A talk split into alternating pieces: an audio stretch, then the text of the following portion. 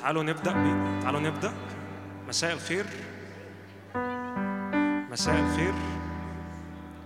كم حد سمعني كويس؟ حلو قوي طيب تعالوا نبدأ. ينفع تسلم على جنبك كده وتسلم على جنبك وتقول له أهلا بيك في محضر الرب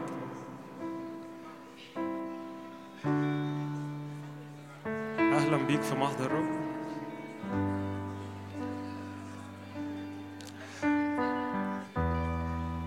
طيب تعالوا كده كل حد فينا وإحنا في مكاننا تعالوا نفتح مزمور 24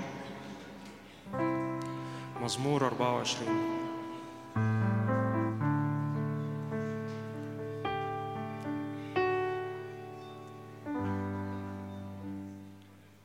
تعالوا نقف كده وإحنا بنقرأ مزمور 24 مع بعض كده.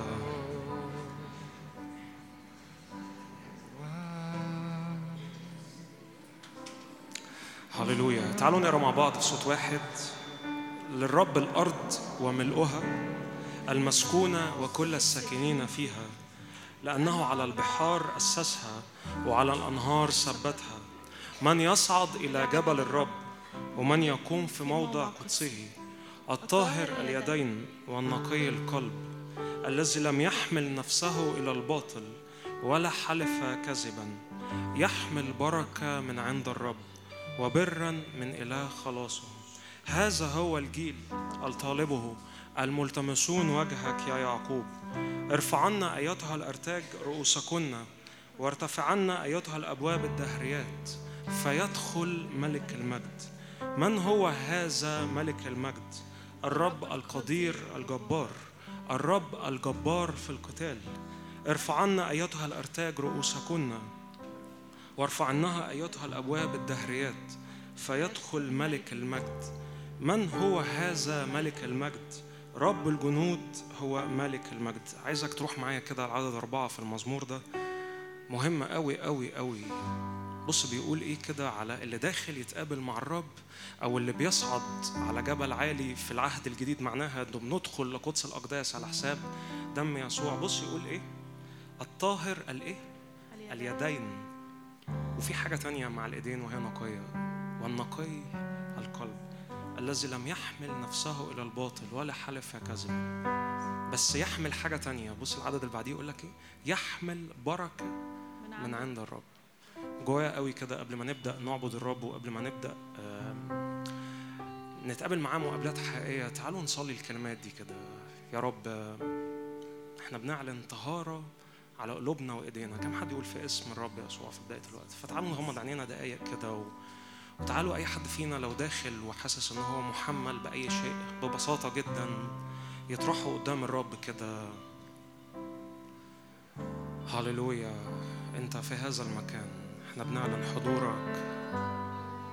من يصعد إلى جبل الرب ومن يكون في موضع قدسه.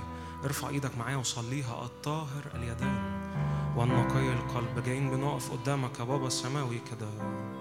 طهر إيدينا وقلوبنا من أي حاجة داخلين بيها. لا عيافة ولا عرافة على إسرائيل في اسم الرب يسوع. لا أتقال ولا أحمال على على الأذهان لا حصون ولا ظنون في اسم الرب يسوع. بنعلن كده إنه اعلن كده قول حرية لذهني حرية لقلبي.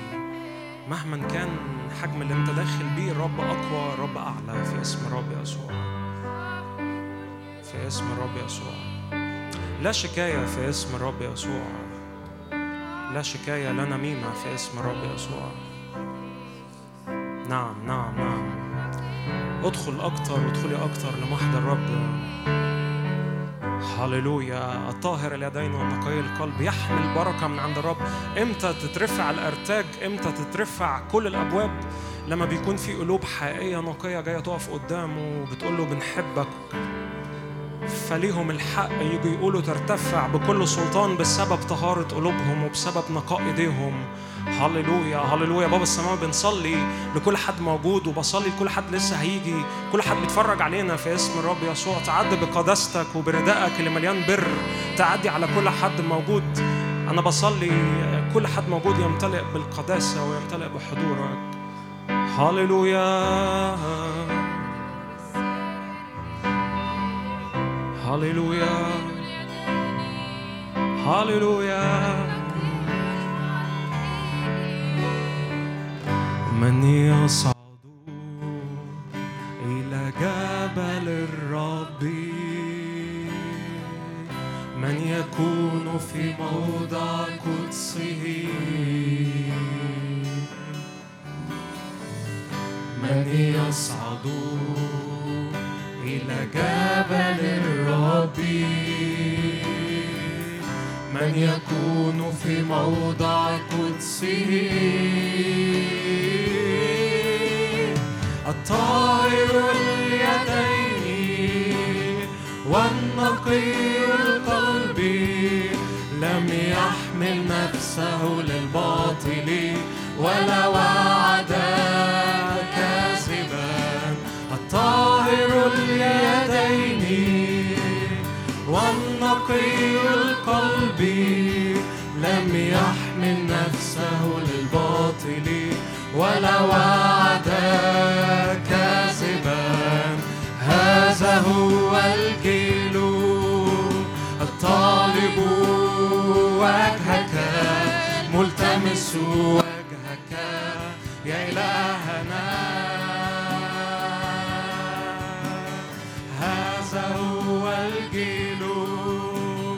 الطالب وجهك ملتمس وجهك. يا إلهنا هذا هو الجيل. هذا هو الجيل. الطالب وجهك ملتمس وجهك. يا إلهنا. نحن هذا الجيل الطالب وجهك ملتمس وجهك يا إلهنا. نعم وجهك يا رب نطلب. نحن هذا الجيل الطالب وجهك ملتمس وجهك يا إلهنا. نحن نحن هذا الجيل. طالبك من كل قلبه بنحبك بنحب حضورك. يا إلهنا. نحن هذا الجيل. الطالب وجهك ملتمس وجهك. يا إلهنا.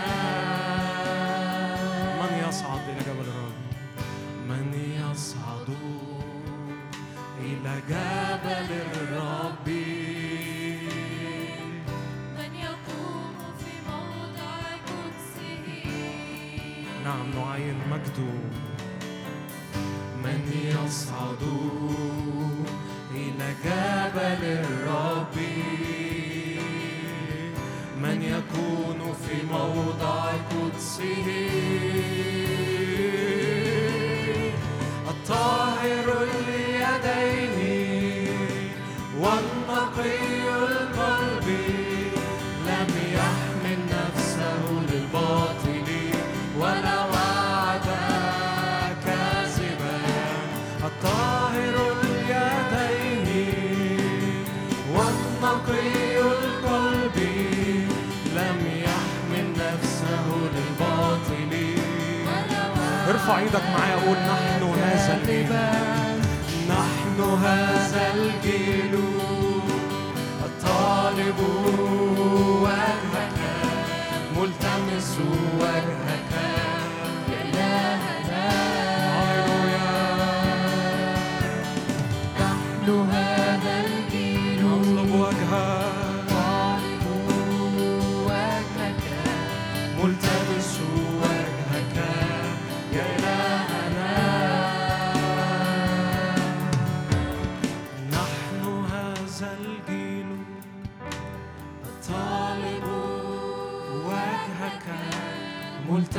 ملتمس وجهك يا إلهنا.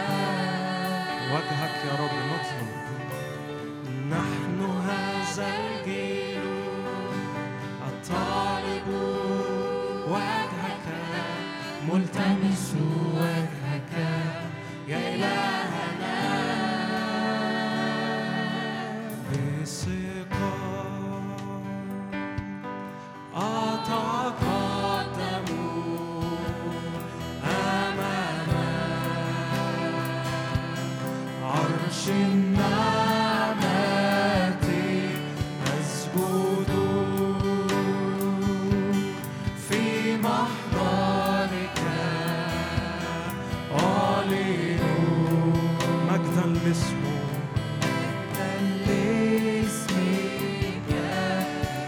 você pode.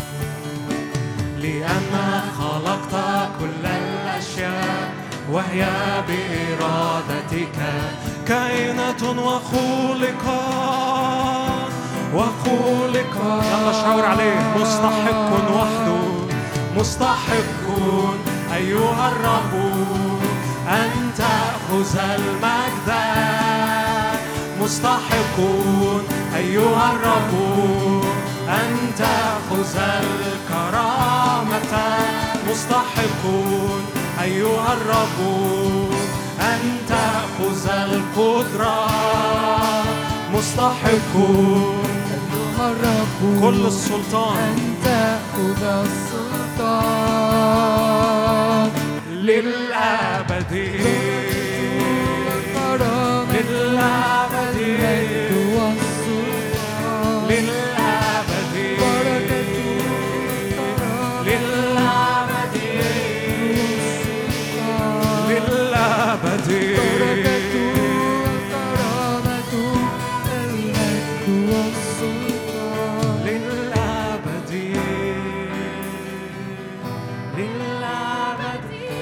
ارفع إيدك معايا ذبح لأجلنا. لأنك ذبحت اشتريتنا لله بدمك من كل شعب وأمة ولسان ذبح لأجلنا حمل أمراضنا وأحزاننا.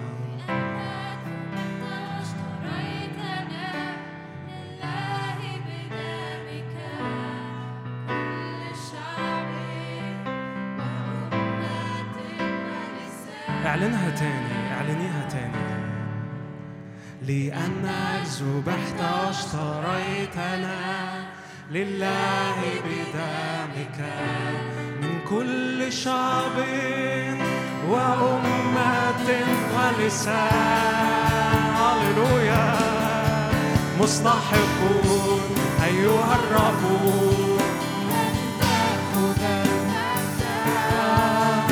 مستحق أيها الرب. مستحق أيها الرب أن تأخذ القدرة.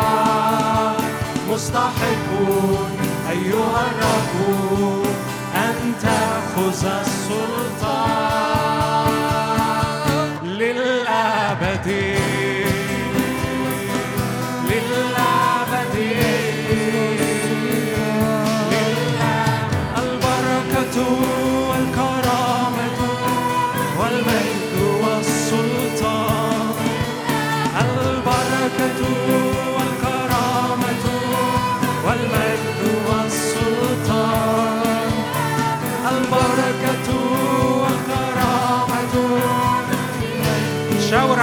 البركة والكرامة.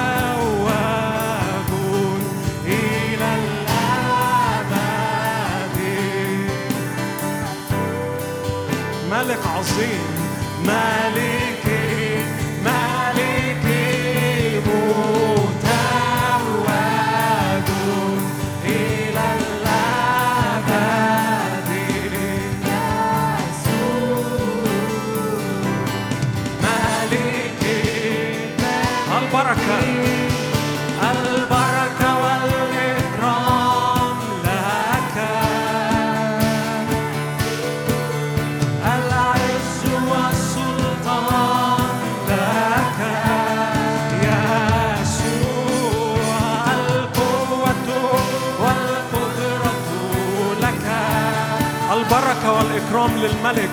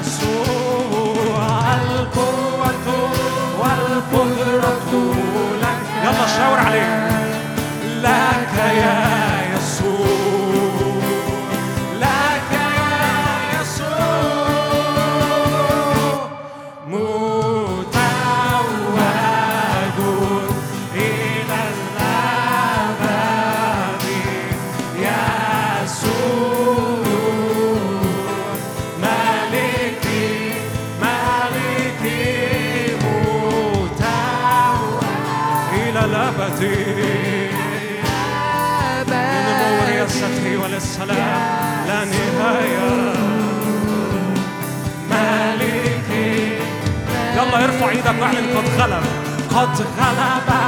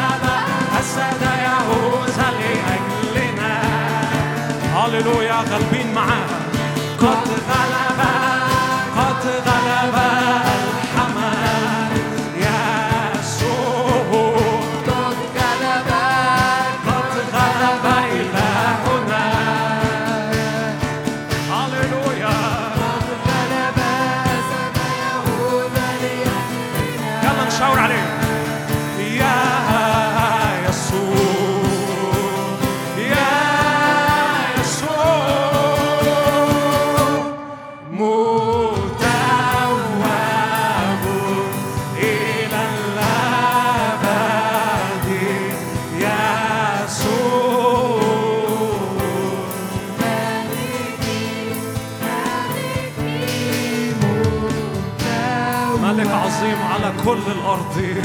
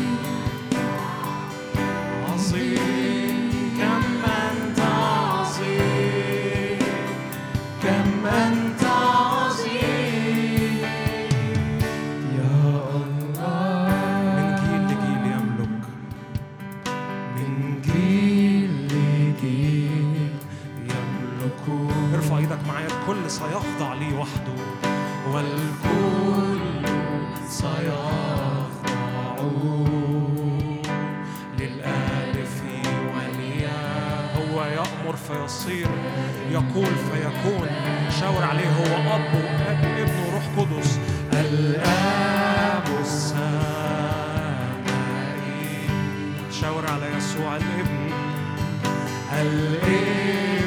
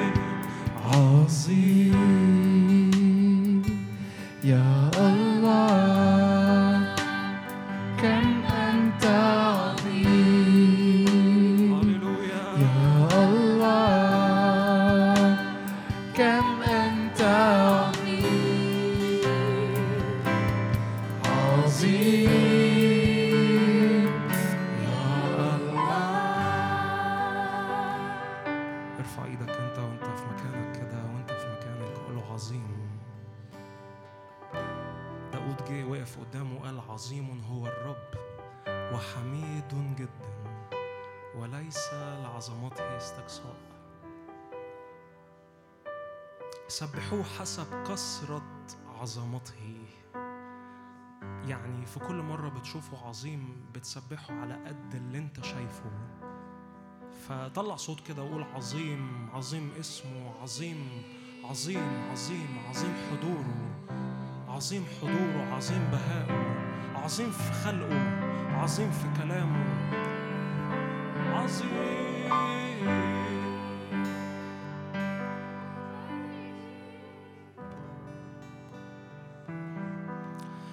فتحوا عينيكم دقيقة واحدة أنا كنت مشغول بالآية دي قبل ما نبدأ الاجتماع ممكن نطلع زكريا 11 زكريا 11 3 بيتكلم عن الصوت اللي خارج مني ومنك الآية اللي هتطلع قدامنا في نص الآية بيقول لك صوت زمجرة إيه؟ حد بيقرأ معايا؟ صوت زمجرة الأشبال حد عارف هم مين؟ حد عارف هم مين؟ ده إحنا مين الأسد العظيم؟ يسوع. ففي حرب من العدو الأيام دي والوقت اللي فات إنه دايما صوتك يبقى مكتوم وصوتك مكتوم ما تعرفش تتكلم ما تعرفش تشرع ما تعرفش تعبد ما تعرفش تصلي. فكم حد متصدق دلوقتي إن إحنا واقفين قدام العرش؟ كم حد دلوقتي مصدق إنه قدام العرش بتحصل نقلات كبيرة؟ فعايز أستأذنكم كل اللي قاعد أنا عايزك تقف معايا كده وعايزك تغمض عينك كده وتقعد تردد الآية دي. صوت زمجره الأشبال يبقى الروح القدس هيزقر فيا لأنه ساكن فيا. هيعطيني صوت جديد النهارده. هيرجع صوتي اللي كان رايح بقاله فترة. كم حد مصدق إنه في محضر الرب صوت زمجره الأشبال بيسمع على مستوى أمم وممالك وشعوب؟ فعايز أشجعك كده. هتلاقي الروح القدس جواك كده عمال يدندن ترنيمة أو يدندن كلمة فابدأ رددها بصوت عالي ابدأ اعلنها بصوت عالي جوايا الكلمة دي كمان إنه إنه سلام لكل حد مضطرد في اسم رب يسوع، فرح لكل حد كان مضروب بروح حزن في اسم رب يسوع، حرية لكل حد مربوط، رجاء لكل حد فاقد رجاء في اسم رب يسوع. خرج الصوت لأنه لما بيخرج منك مش بس بيتسمع هنا، ده بيتسمع على مستوى الأمم كلها. هللويا هللويا، سبح رب وسبحيه لأنه الصوت اللي خارج منك مهم.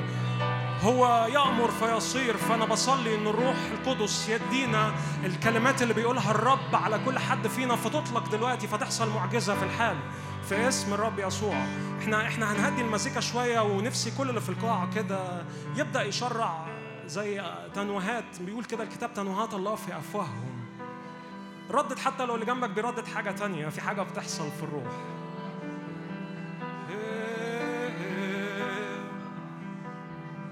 صوت زمجرة الأشبال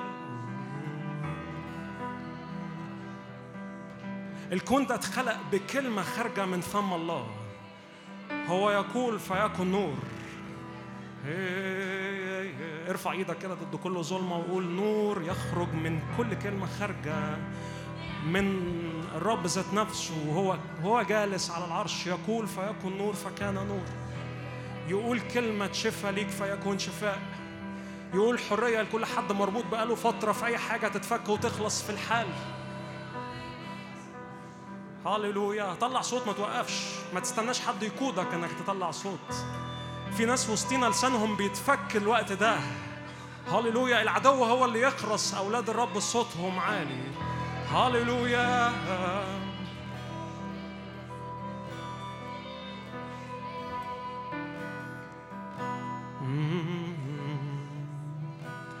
روحك يرف على وجه الظلمة تقول ليكن نور فيكن نور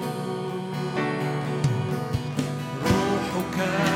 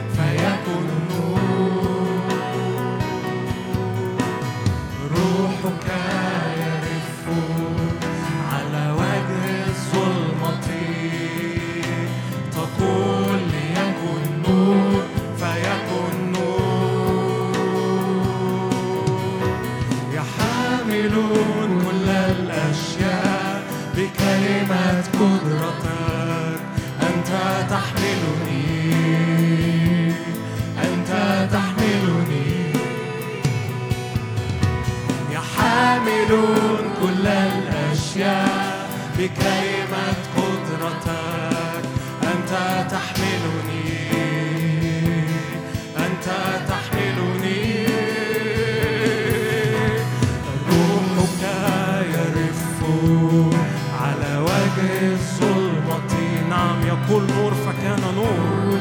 يكن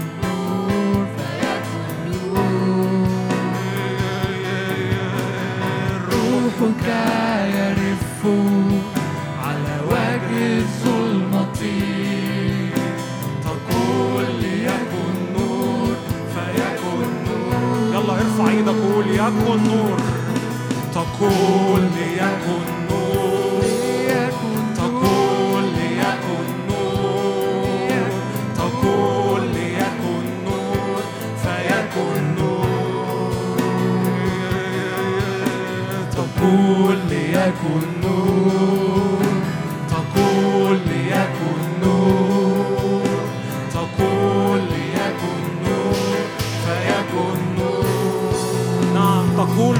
فيكن نور تقول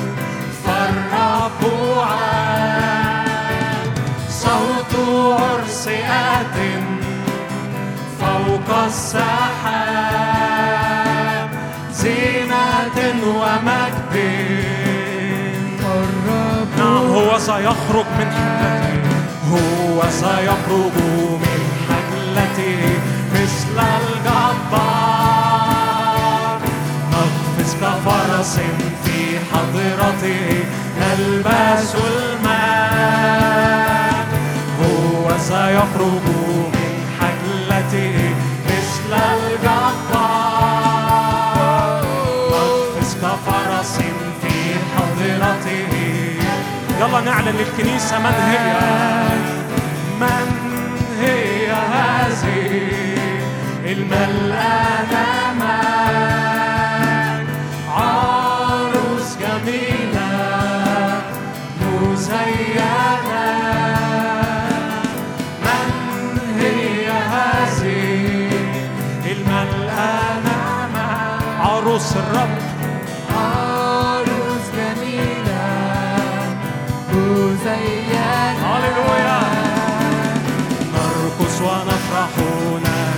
بفخر نرفع أعلام نرقص ونفرح نهتف بفخر نعم نعلن أفراح من عرش الآب. نرقص ونفرح نهتف بفخر نرفع أعلام نرقص ونفرح نهتف بفخر نرفع ارفع إيدك معايا عريس يعلن.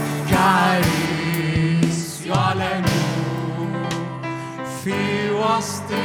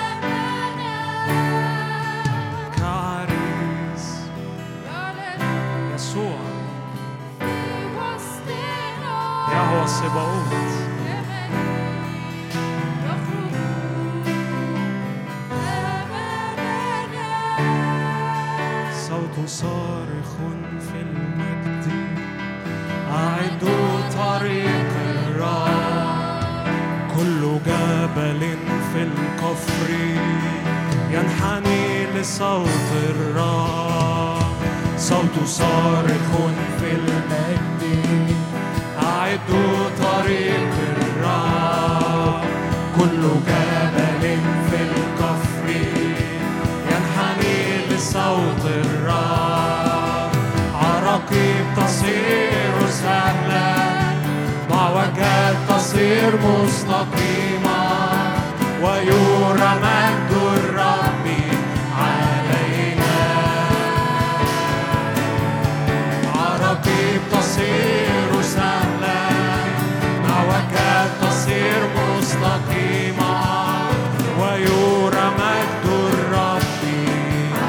ذا الرب بقوة. أعلن. هو ذا الرب بقوة. يخرج في وسطنا.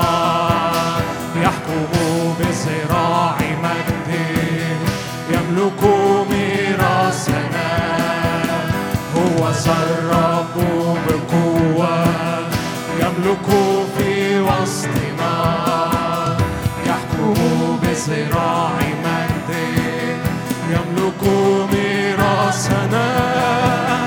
عراقيب تصير سهلا. كوكب تصير مستقيمة ويرى مجد الرب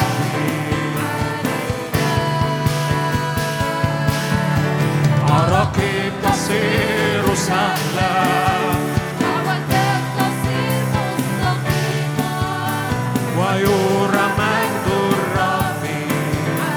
صوت صارخ في المجد. خرج صوت واعلن. صوت صارخ في المجد. أعدوا طريق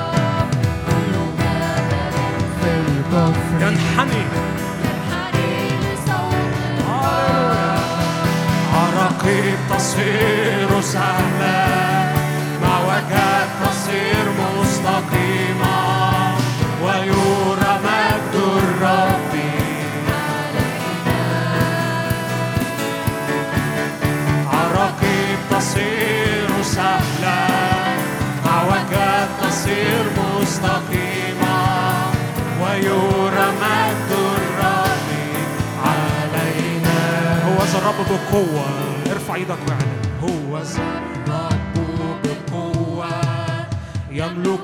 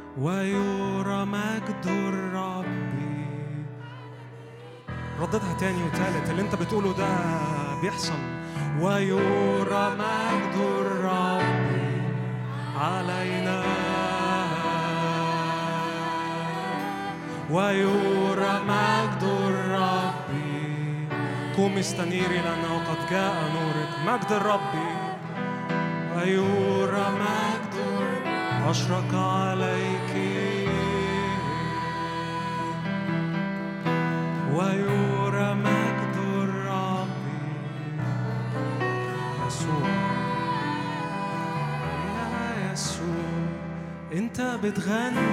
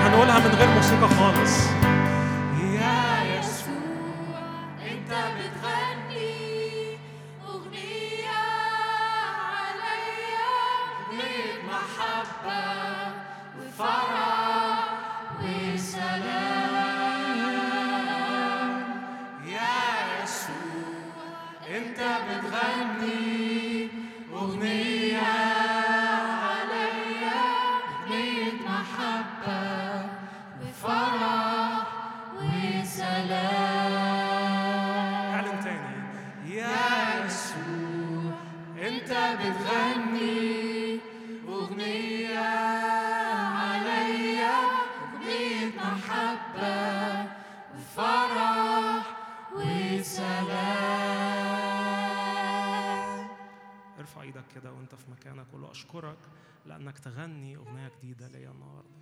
ولأنه يسوع بيغني لينا أغنية جديدة. إحنا النهارده جايين نشاور عليه نقول له أنت اللحن.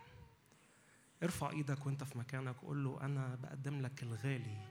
بقدم لك كل ما أملك. أنت اللحن اللي بغني. هايم في كلامه معني نبضه في قلبي why.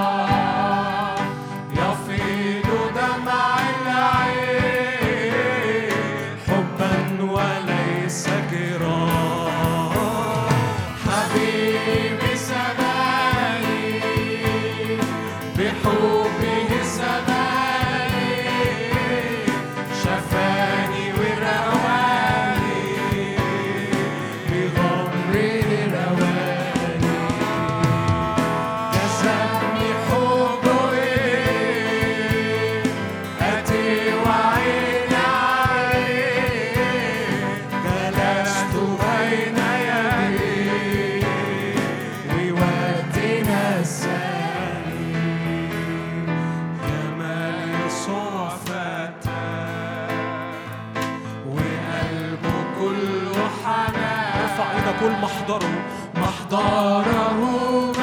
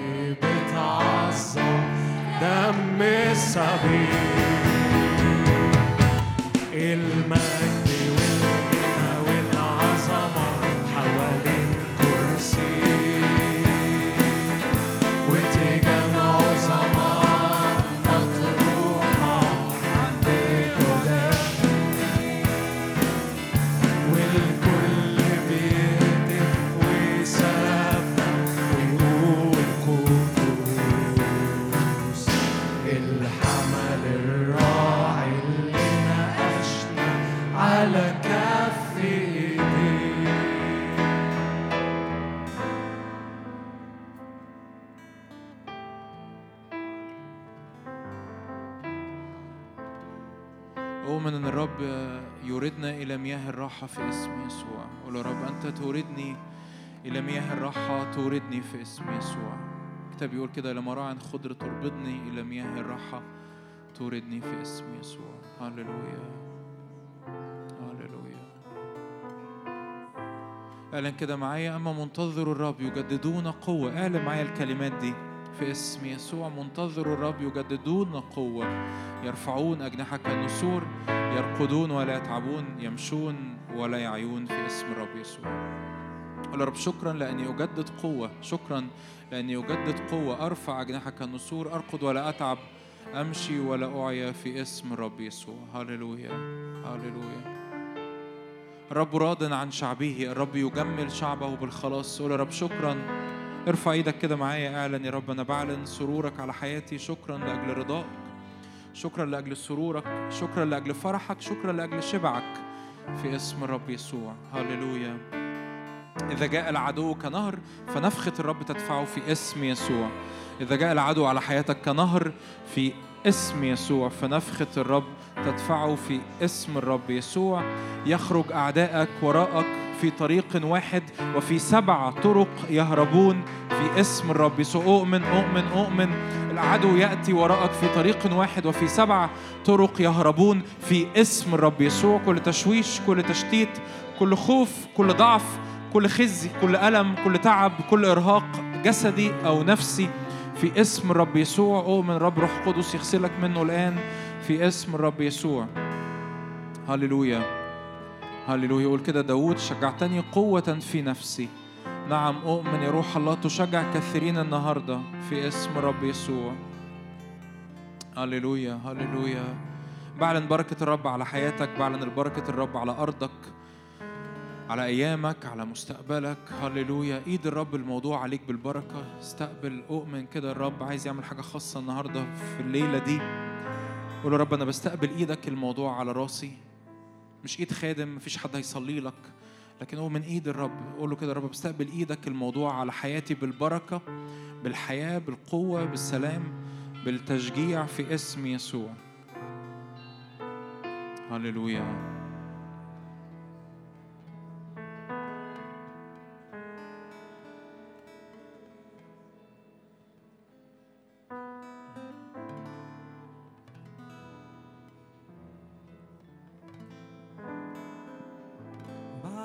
إيماني شايف إلهي للسلطان للسلطان ومن أمامي ينقل جبالي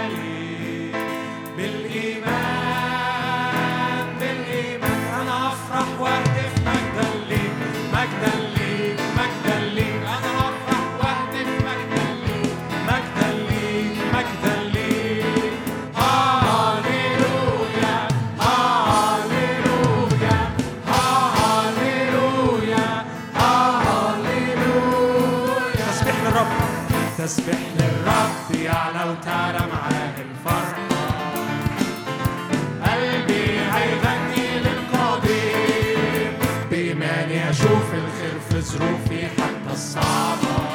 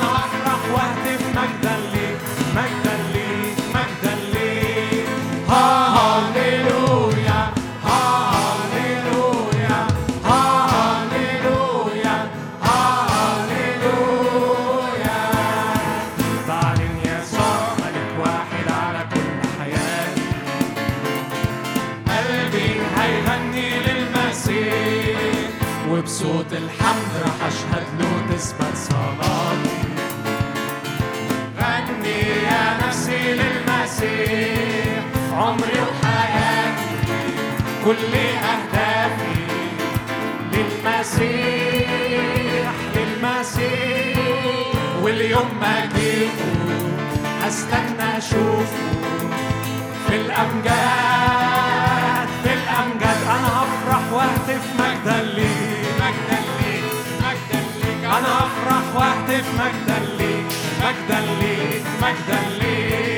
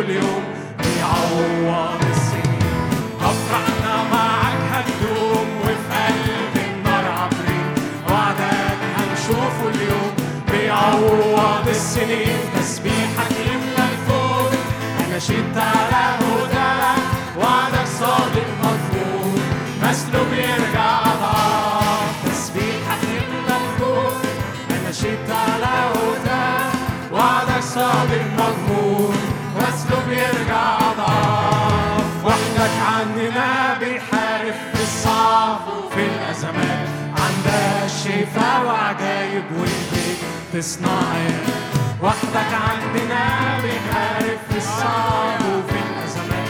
عندك شفاء وعجايب وإيديك تصنعي تسبيحك يملى الكون أنا شد على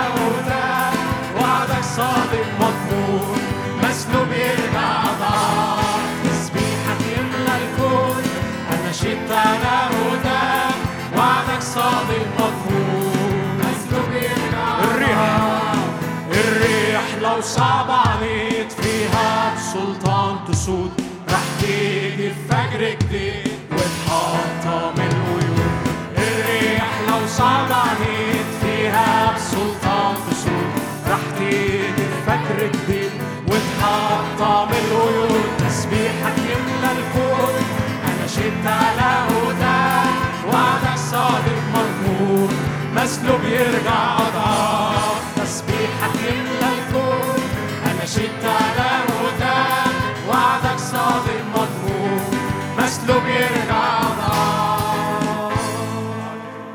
هللويا.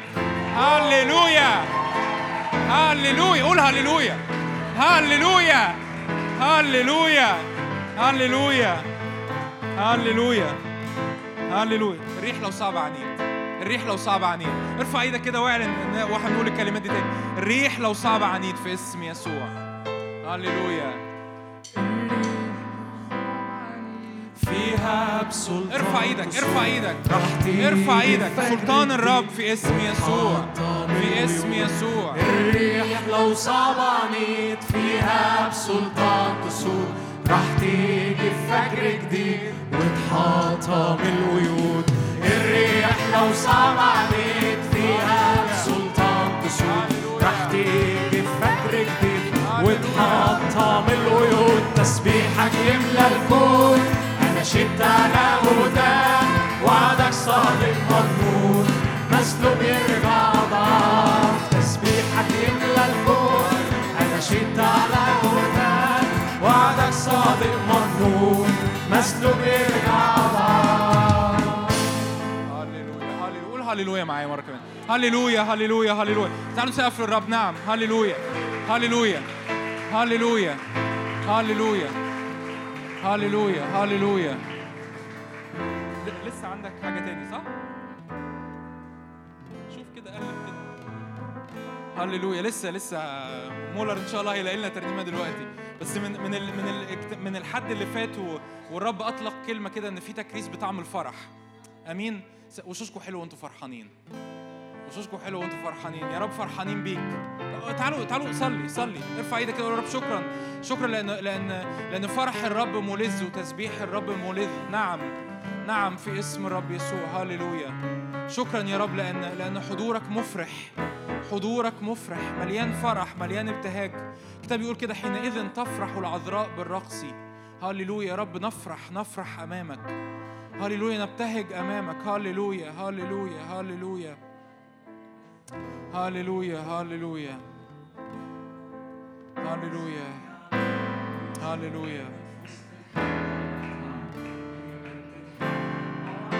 وملكنا ده رب الأرباب تسبح يعلى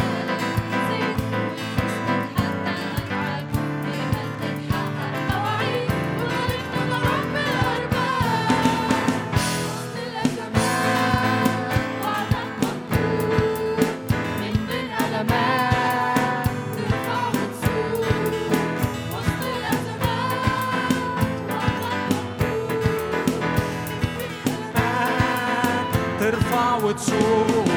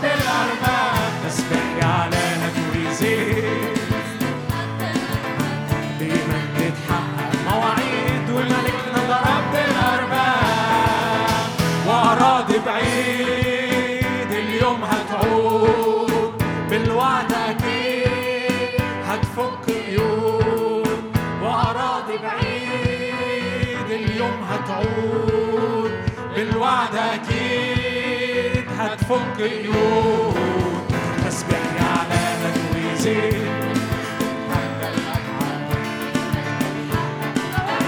وملكنا والفوز تتحدى تتحقق مواعيد. ده رب الأرباب. أيوة إلهي صالح. إلهي أمين. يشهد عنه امبارح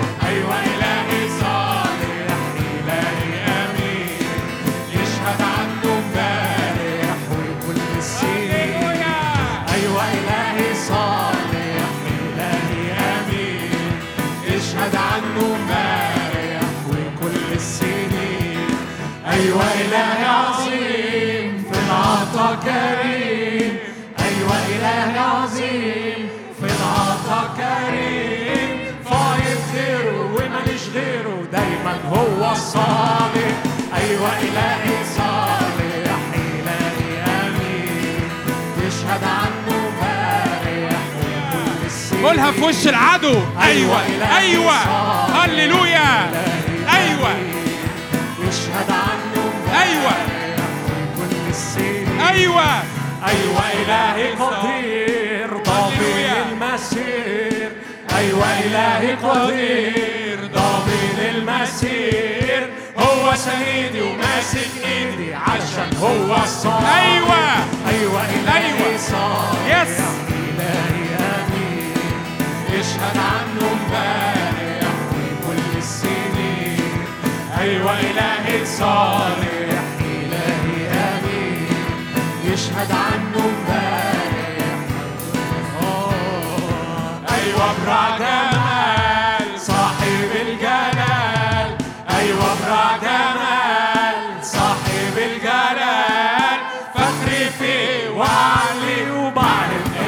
صالح. أيوة إلهي صالح. إلهي أمين. يشهد عنه امبارح وكل السنين. أيوة إلهي صالح. إلهي أمين. ويشهد عنه امبارح وكل السنين. واتبناني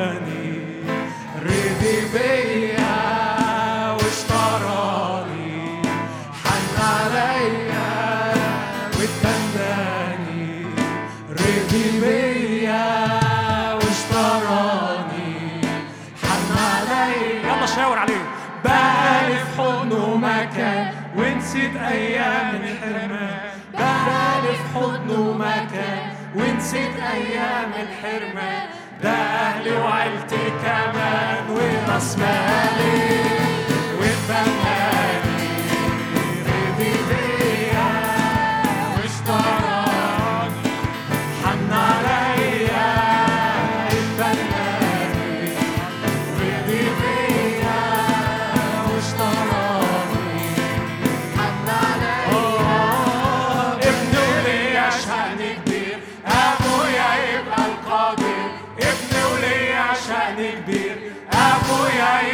القادر إزاي اخاف أنا من الشرير مهما جاني وانت واتبناني رضي بيا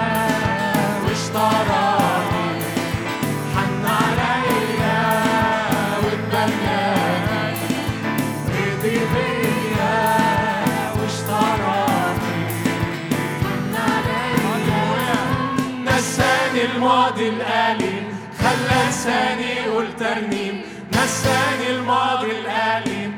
خلى لساني يقول ترنيم غسلني بدمه الكريم وفداني. واتبناني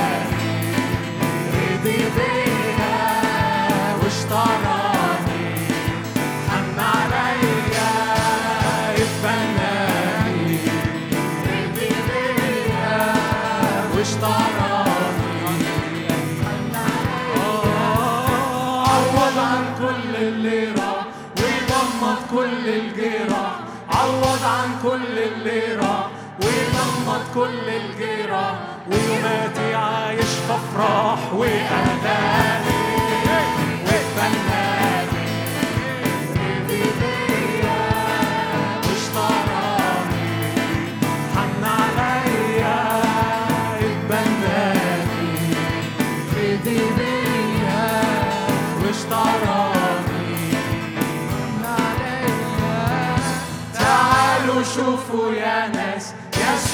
اداني الخلاص. تعالوا شوفوا يا ناس يسوع اداني الخلاص. ماشي معاه مرفوع الراس علم ابي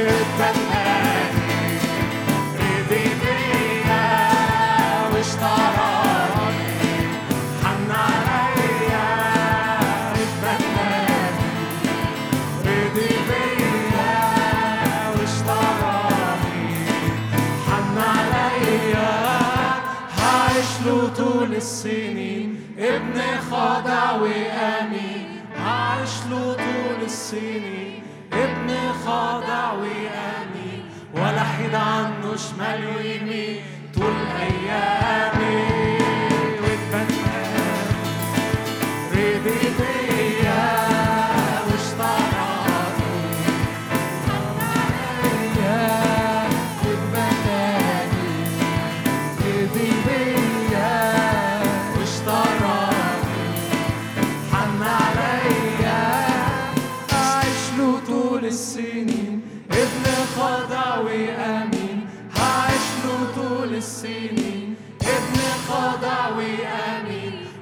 حيد عنه شمال ويمين طول أيامي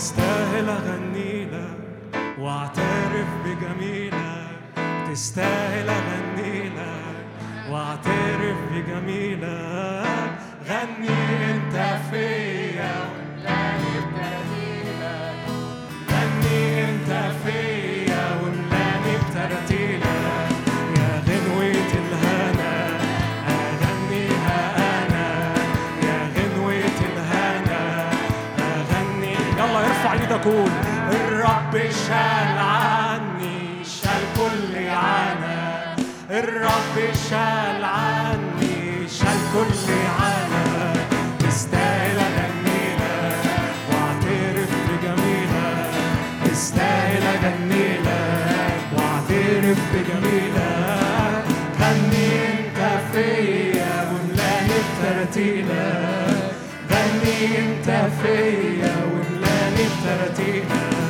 يا نوري في طريقي محبوبي وصديقي. يا نوري في طريقي محبوبي وصديقي. يا مسيد حواليا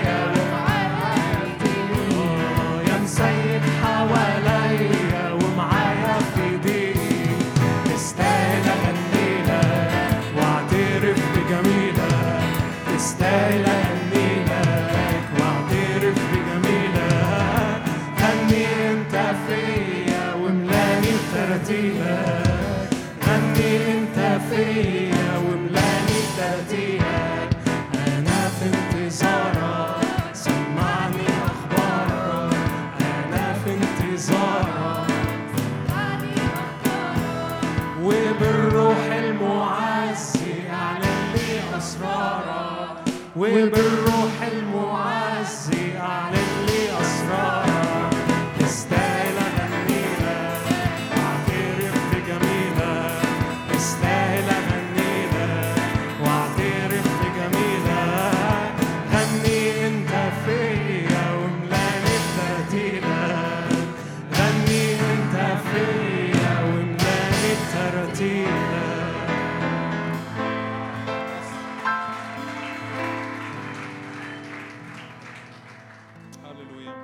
يا رب نشكرك لأجل حضورك نشكرك لأنك ساكن وسط تسبيحات شعبك نشكرك لأنه ما يحصلش ابدا يا رب إن إحنا نقف قدامك وإنت تبقى بتتفرج علينا من بعيد لكن دايما بتأتي وتلمس وتفك. هللويا. وتفرح أتقيائك. هللويا. نظر اولي وسط نار وجوههم لم تخجل في اسم الرب يسوع. آمين. هللويا. هللويا. لو تقولوش هللويا ولا إيه؟ هللويا. بس كده؟ هللويا. لا مش عجباني. هللويا. هللويا. هللويا. هللويا.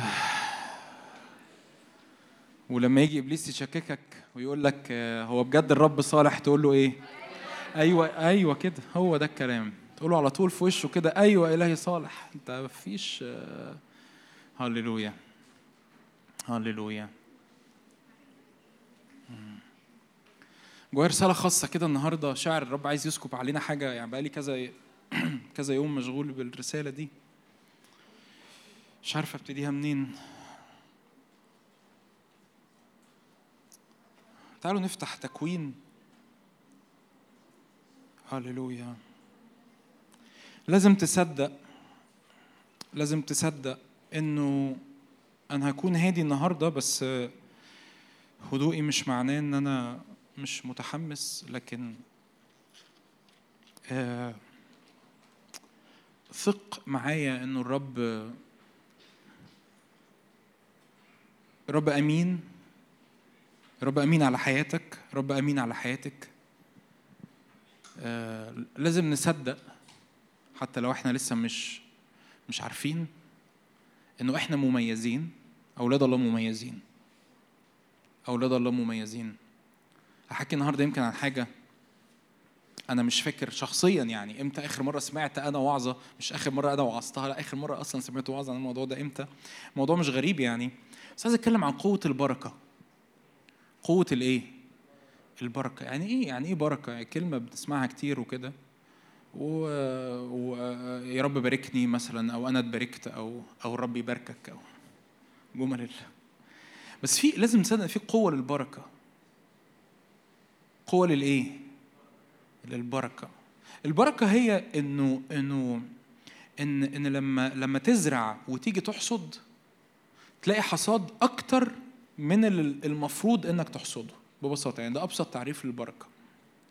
البركة هي إنه لما تتعب لما تشتغل لما تذاكر لما يبقى معاك فلوس.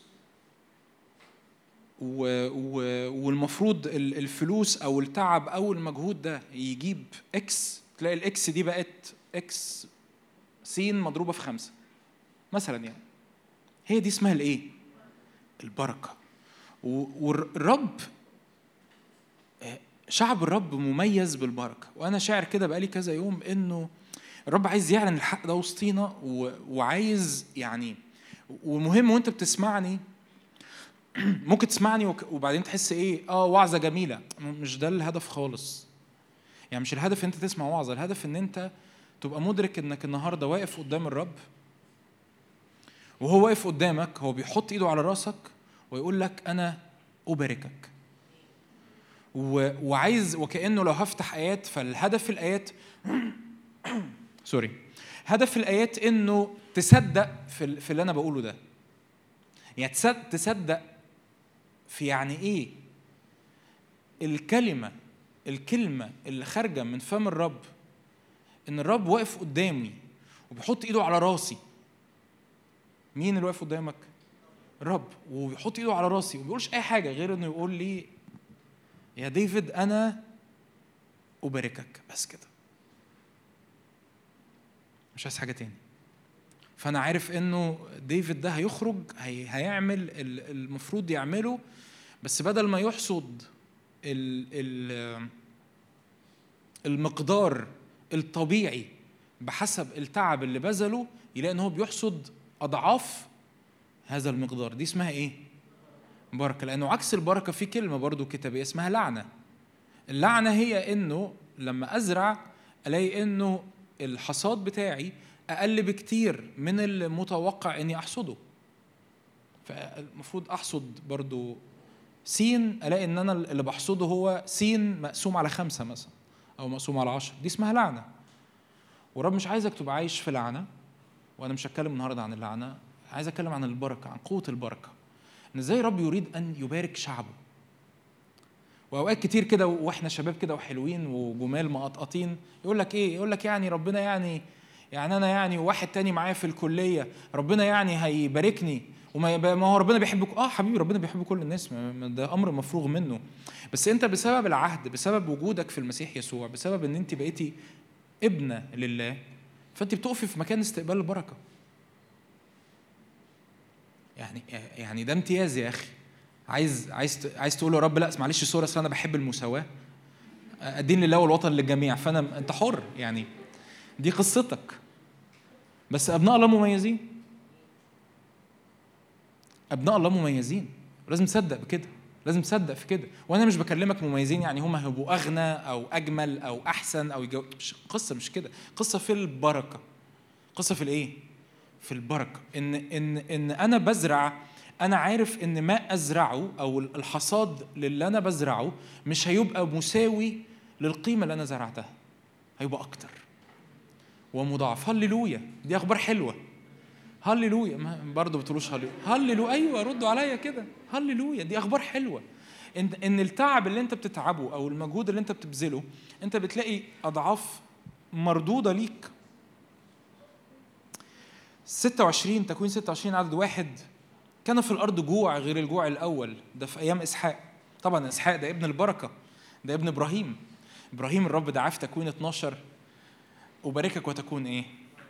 أباركك. I want to bless. أنا عايز أنا عايز أطلق على حياتك هذه الكلمة اللي اسمها البركة. فتبارك وأنت تكون كمان إيه؟ بركة لآخرين ليه الرب عايز يباركك؟ لأن الرب عايز يبارك الأرض من خلالك. لأن الرب عارف إن الأرض تعبانة الأرض متألمة الأرض فيها صعوبات كتير وتحديات كتير. فالرب بيلاقي شعب الشعب ده بيعرف يستقبل البركة بتاعته ويطلقها على آخرين.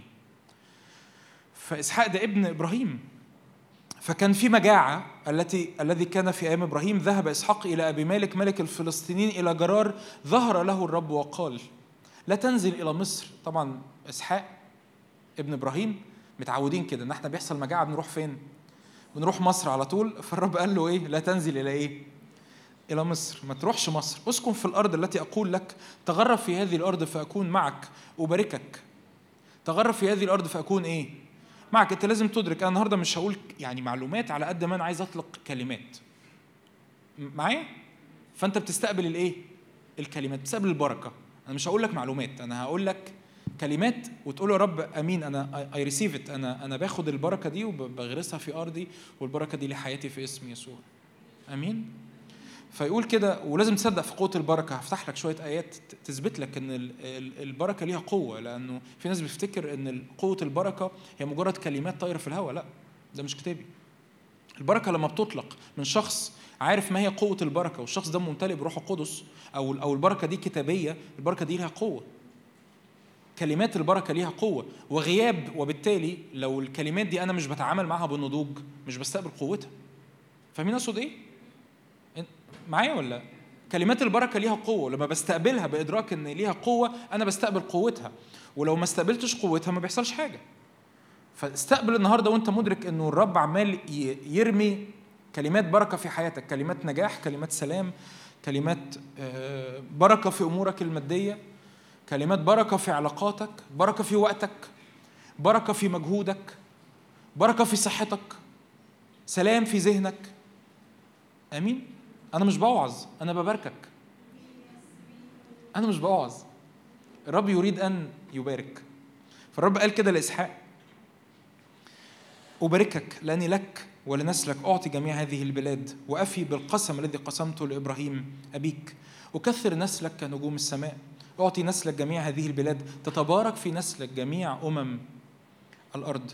من أجل أن إبراهيم سمع لقولي وحفظ ما يحفظ لي أوامري وفرائدي وشرائعي. فأقام إسحاق في جرار. نط معايا العدد 12 آيات مشهورة. بس أنا عايز أقراها لك لأنه هو ده اللي جوايا. زرع إسحاق في تلك الأرض. يعني إيه مجاعه يعني في الزمن في زمن العهد القديم. لما يقول لك كان في الأرض جوع. يعني جوع ده يعني هو إيه راحوا بيروحوا السوبر ماركت يلاقوا الأسعار غالية؟ يعني يعني إيه جوع؟ يعني في الزمن ده الجوع ده بيتعمل إزاي؟ بيحصل إزاي يعني؟ مفيش مطره مفيش مية. مفيش مية. يعني هيزرعوا مش هيعملوا إيه؟ مش هيحصدوا. فما فيش أكل. فتبقى فالنتيجه إيه؟ مجاعة. مش معناها مثلا إن الدولار غلي فالبلد مش بتستورد. يعني معايا. أنا بس بشرح لك ال... ليه؟ لا لأنه يقول لك كده في عدد 12 وزرع إسحاق في تلك الأرض. يعني إيه زرع؟ يعني دلوقتي حضرتك انت اي اي مزارع في الدنيا لما بيجي يحصد حصاد القمح أو حصاد الشعير أو حصاد اي نوع من انواع الحبوب فول ايا كان في في جزء الاغلب هيتاكل وهيتباع وهيأكله علف للمواشي بتاعته فهو مثلا حصد بيزرع الذره الذره الحلوة الذره الشامية أو الذره العويجه فهو حصد الذره أكل شوية ذره وباع شوية ذرة ولازم يبقي وأكل الحيوانات بتاعته الذرة علف ولازم يبقي شوية إيه في الآخر؟ ذرة.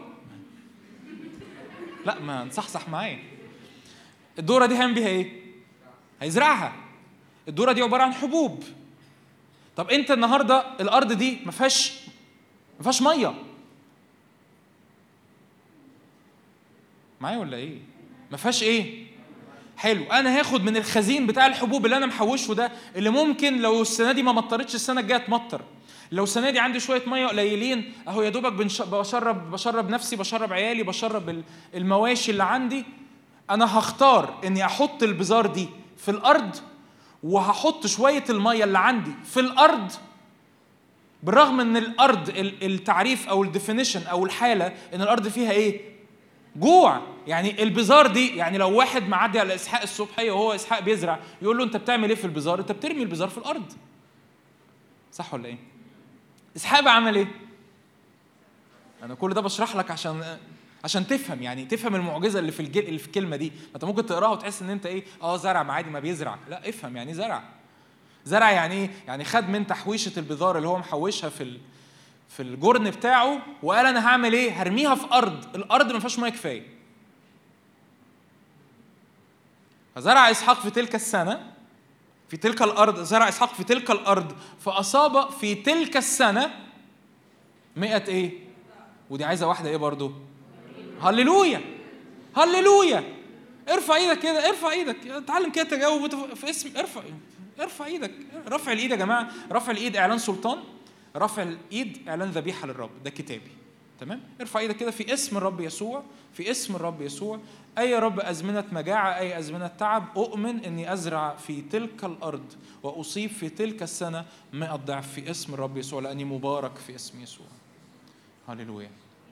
هللويا. فتقول لي أنا أنا في أرض حاسس إنه مفيش تجاوب للمحبة اللي أنا بقدمها. ازرع. أنا حاسس إنه مادياتي مش أحسن حاجة. ازرع أنا حاسس إنه قوتي الجسدية ما عنديش طاقة جسدية. ازرع وزرع إسحاق في تلك الأرض فأصاب في تلك السنة إيه؟ ما الضعف هللويا. هللويا. هللويا. هللويا. شاهد كمان تكوين 27 عدد 27 إسحاق لما كبر وعجز قرر إنه يبارك ولاده. قول لي آه إيه طبعا أنت بتقرأ الآيات أو يعني بعد الشر يعني بس في ناس كتير بتقرأ الآيات تحس إنه إيه آه بارك ولاده يعني إيه. يلا يا ابني روح ربنا يباركك. فتحس إنه يعني يعني أنت عملت الم... حد فاكر القصة بتاعت عيسو ويعقوب؟ روح يا ابني اصطاد لي صيده عشان أباركك. فتحس يعني عيسو عمل المجهود ده كله عشان إسحاق يقول له ربنا يباركك. تحس إنه إيه إيه الافوره دي؟ تعال نشوف دي أفورة ولا مش أفورة. فتكوين 27 آه، دخل له يعقوب وهو متخفي دخل لإسحاق وهو متخفي على أساس إن هو عيسو. ويعقوب هو اللي ليه البركة الرب مختار إنه إنه يعقوب يبقى هو البكر ليه البركة الأساسية. فقال له إسحاق في عدد 25 قال قدم لي. ده إيه البتاع الأولاني راح فين؟ قدم لي لاكل من صيد ابني حتى تباركك نفسي. بس تباركك نفسي يعني هتقول شكرا يعني بعد الأكلة. فقدم له فأكل. أحضر له خمرا فشرب. فقال له إسحاق أبوه تقدم وقبلني يا ابني. فتقدم وقبله تعالى حبيبي في حضني فحضنه. فشم رائحة ثيابه وباركه وقال انظر. بص بص بص هنا إسحاق لأنه ابن إبراهيم لأنه وارث البركة فهو يعلم قوة البركة. هو عارف يعني إيه؟ إن رب ينطق كلمة. عشان كده لما بنقول في الصلاة انطق ال- الكلمات كلمات الإيمان يعني حتة جانبية شوية بس كلمات الإيمان محتاجة تنطق.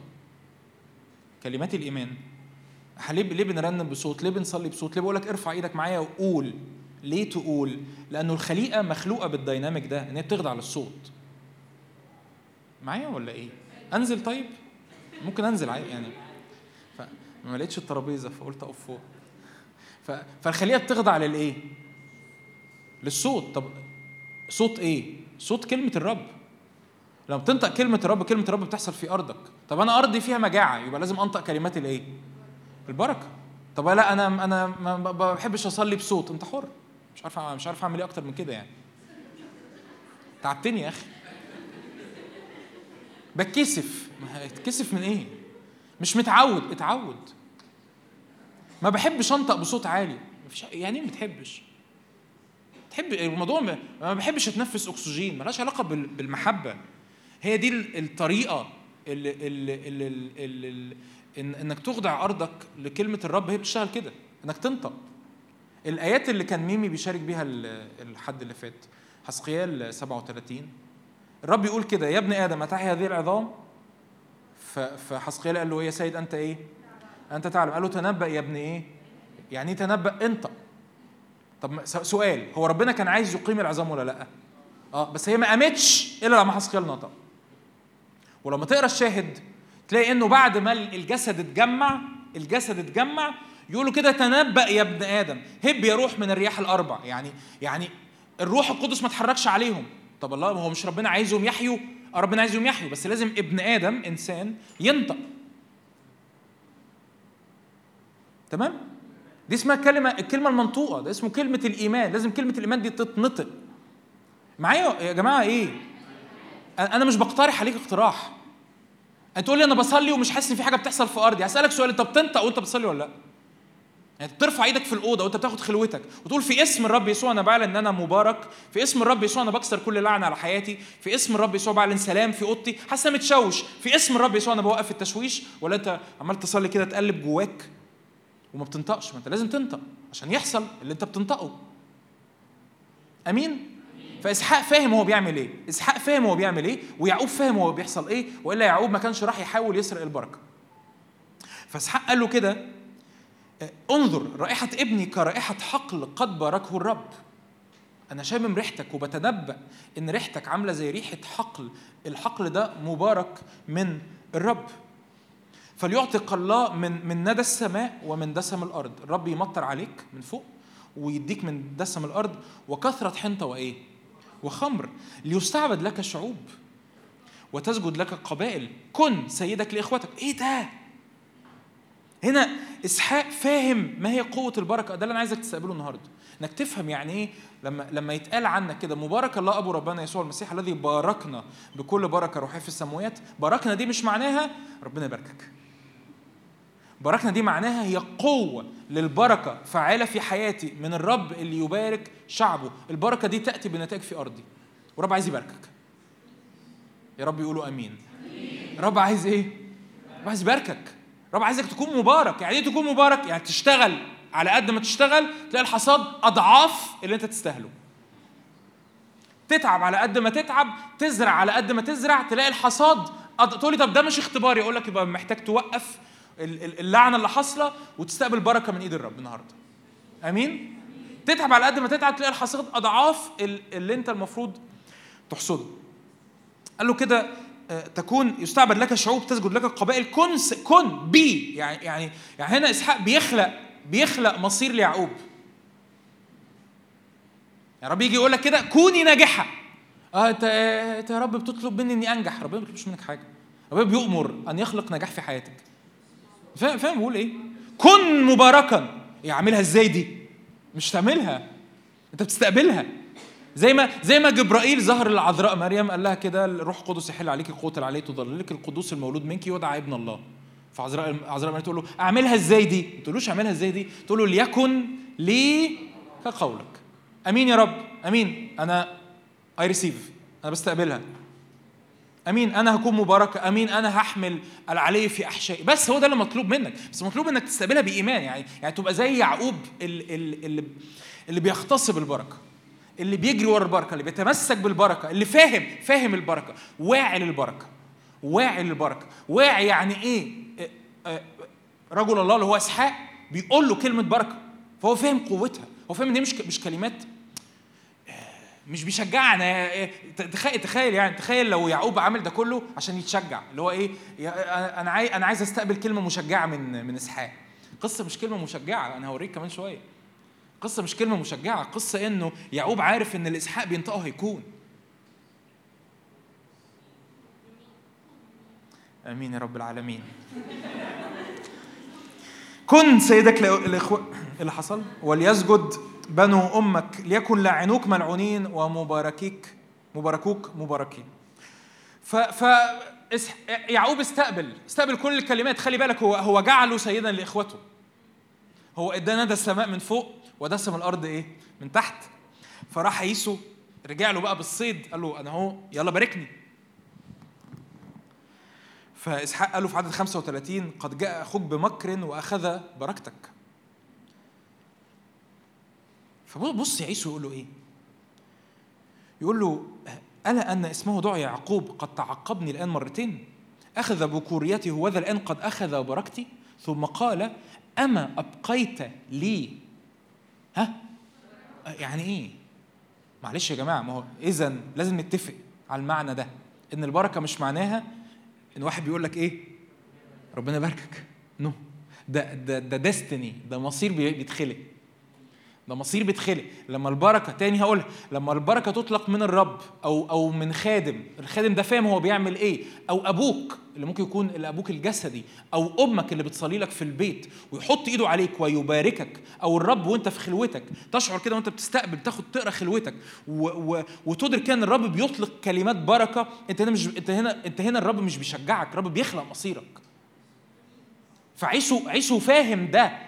فقال له أما أبقيت لي بركة؟ أنت ما خلتليش أي حاجة حلوة. والكتاب بيقول كده في عبرانيين لما عيسو ندم إنه ضيع البركة من إيده يقول كده طلبها بدموع فلم يجد أيضا للتوبة مكان. هنا ال- الآية في عبرانيين مش بتتكلم إن عيسو كان بيتوب لربنا فربنا رفضه. الآية ما بتتكلمش عن كده. الآية الآية بتتكلم عن إن عيسو صرخ لإسحاق إنه إنه ياخد البركة فما لقاش مساحة لأي بركة.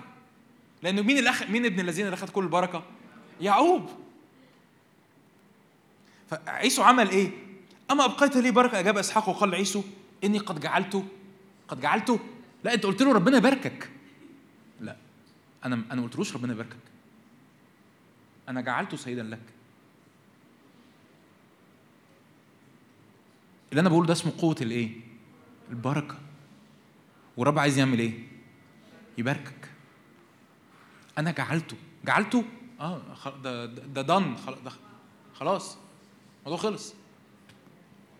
ده ملهاش علاقة بيعقوب هيعمل إيه بعد كده. يعقوب هيغلط يعقوب هيهرب يعقوب هي أخطاء كتير هتحصل. ملهاش علاقة. إني قد جعلته سيدا لك. دفعت إليه جميع إخوته عبيدا. عضدته بحنطة وخمر. فماذا أصنع إليك يا ابني؟ قال عيسو لأبيه ألك بركة واحدة فقط يا أبي؟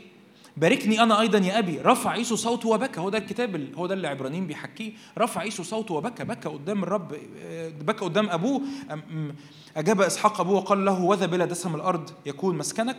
بلا ندى السماء من فوق. بسيفك تعيش. لأخيك تستعبد. ولكن يكون ودي المخرج الوحيد اللي إسحاق اداه لعيسو لكن يكون حينما تجمح أنك تكسر نيره عن عنقك. لما تقوى هتقدر تنتصر على يعقوب وده لما تقرأ بقى الصراع الدائم اللي بعد كده اللي في المستقبل اللي ما بين شعب إسرائيل وشعب أدوم اللي هم نسل عيسو تلاقي ده ده اللي كان بيحصل. طول الوقت شعب إسرائيل متسلط. أول ما شعب إسرائيل يقع في خطيه أو يبعد عن الرب تلاقي أدوم تسلط. ده جه منين؟ من البركة. هللويا. رب عايز يعمل إيه؟ رب عايز يباركني أنا ابن بركة. أنا ابن بركة لأني في المسيح. أنا مميز. ده امتي- ده ده امتياز. أنا ابن بركة لأن أنا في المسيح وبستقبل بركة الرب على حياتي. إن أنا وأنا خارج للعالم وأنا خارج لتحديات العالم للتحديات المادية للظروف للمخاوف للأمراض لل ايا كان مشاكل علاقات ايا كان أنا عارف إنه ده مش بيلغي دورك. يعني مش بيلغي تقول لي خلاص يعني ما ذاكرش وأنجح. لا أنا ما قلتش كده. أنا قلت هتحصد أكتر من من تعبك. فأنت هتتعب. هتبذل مجهود هتشتغل هتذاكر هتستثمر في علاقاتك هت... هتكون أمين قدام الرب في خدمتك وهتعمل كل ده. لكن دايما دايما لو أنت مدرك قوة البركة دايما أنت عايش في مساحة أكتر من اللي انت أنت عارف كويس قوي إن اللي بيحصل معاك ملوش علاقة إنه ده قد اللي أنا عملته. لا ده أكتر كتير قوي أكتر كتير قوي من اللي أنا عملته. مين يحب يستقبل ده؟ قول له رب أنا بستقبل ده في اسم يسوع. بستقبل بركه على حياتي في اسم يسوع. لسه مكملين في نفس اللاين سفر العدد إصحاح 23 قصة لذيذة جدا جدا تانية عن البركة واللعنة. عدد 23 عدد واحد. إيه واحد يعني. sorry من أول عدد من أول إصحاح 22 أحسن. عدد آية واحد. ارتحل بنو إسرائيل نزلوا في عربات مؤاب. ده بقى شعب إسرائيل وبيرتحل في البرية. نزلوا في مكان اسمه عربات مؤاب السهول بتاعت مؤاب من عبر الأردن أريحا لما رأى بلاق بلاق ده ملك وثني. بلاق ده ملك وثني. لما رأى بلاق ابن صفور جميع ما فعل إسرائيل بالأموريين. فشعب إسرائيل انتصر في حروب على الأموريين وبلاق ده ملك إيه؟ ملك وثني. بيعبد آلهة غريبة بيعبد أصنام بيعبد شياطين. فلما رأى بلاق ابن صفور جميع ما فعل إسرائيل بالأمورين فزع مؤاب من الشعب جدا لأنه كثير. يعني إيه المشهد عشان يعني في شعب شعب إسرائيل ده معدي من مصر ومسافر في البرية علشان يوصل لأرض الموعد عند فلسطين وعند لبنان وعند الحتة دي تمام؟ عدى في النص على شعب اسمه إيه؟ ماشي الأموريين وانتصر على الأموريين. بعد كده عدى على شعب تاني اسمه إيه؟ مؤاب. مين اللي خاف في اللقطة دي؟ مؤاب قال لك يا عم ده زي ما أبادوا الأموريين مع إن الرب كان وده فعلا رب حذر شعب إسرائيل قال لهم مالكمش دعوة بالمؤابين. فبلاق ملك مؤاب خاف من شعب إسرائيل إنه هيقول له كده الآن قال مؤاب لشيوخ مديان الآن يلحس الجمهور كل ما حولنا كما يلحس التور خضرة الحقل. دول هيلحسونا هياكلونا زي ما التور بياكل البرسيم في في الغيط. ببساطة. كان بلاق ملكا لمؤاب في ذلك الزمان فأرسل رسلا إلى بلعام ابن بعور. فراح بعت ناس بعت له واتساب لواحد اسمه إيه؟ Hi بلعام. قال له مين معايا؟ عشان ما كانش مسيف رقمه.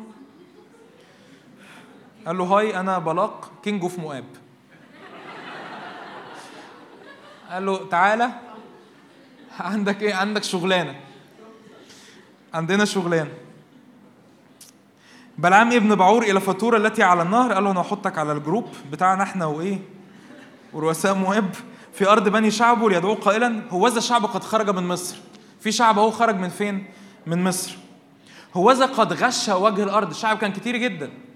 وملأ وجه الأرض وهو مقيم مقابلي وقدامي أهو في الأرض.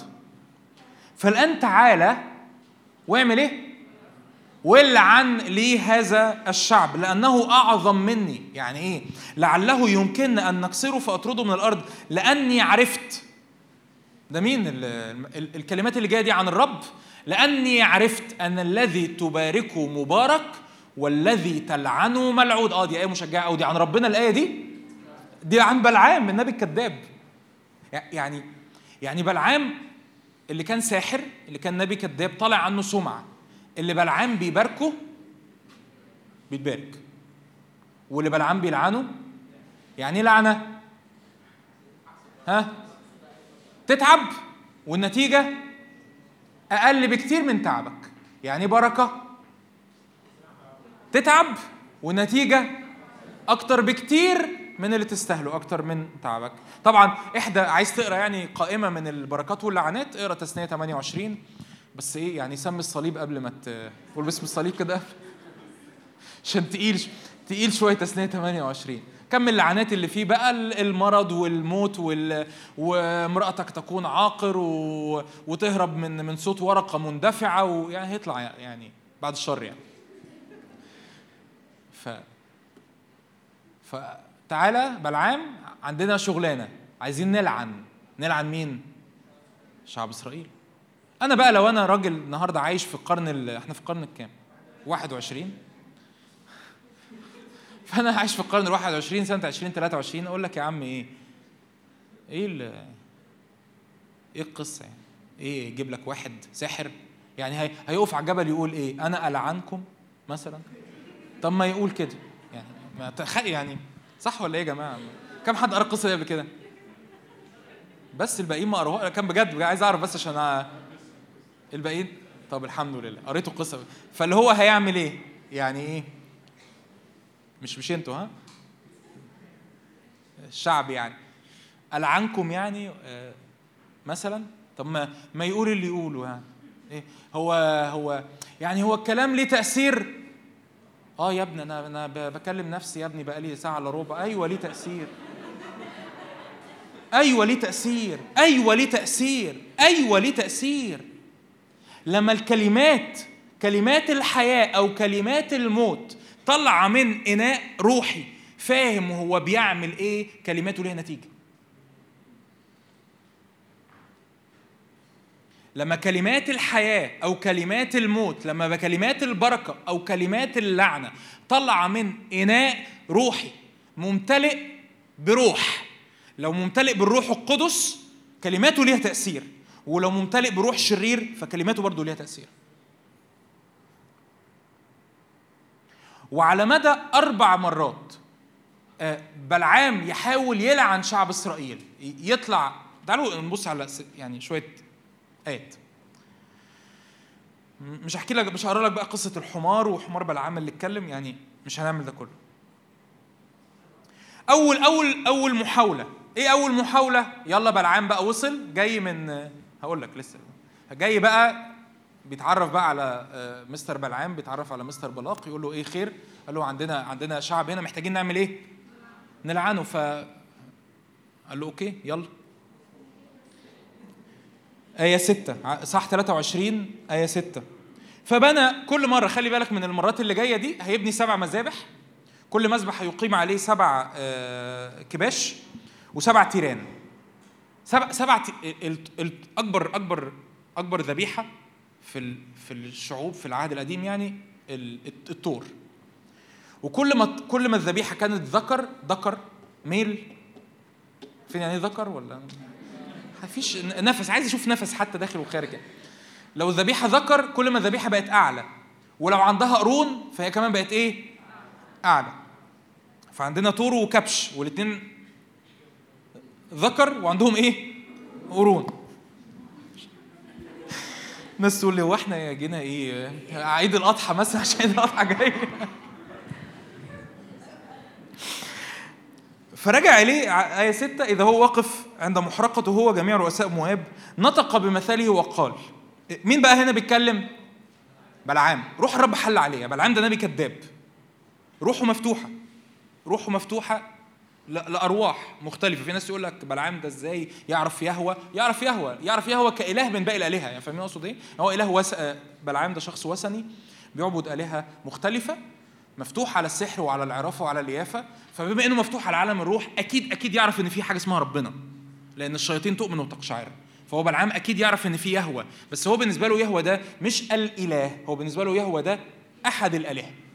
تمام؟ فبيحترمه لكنه إله من باقي الآلهة. فالرب يروح نازل عليه.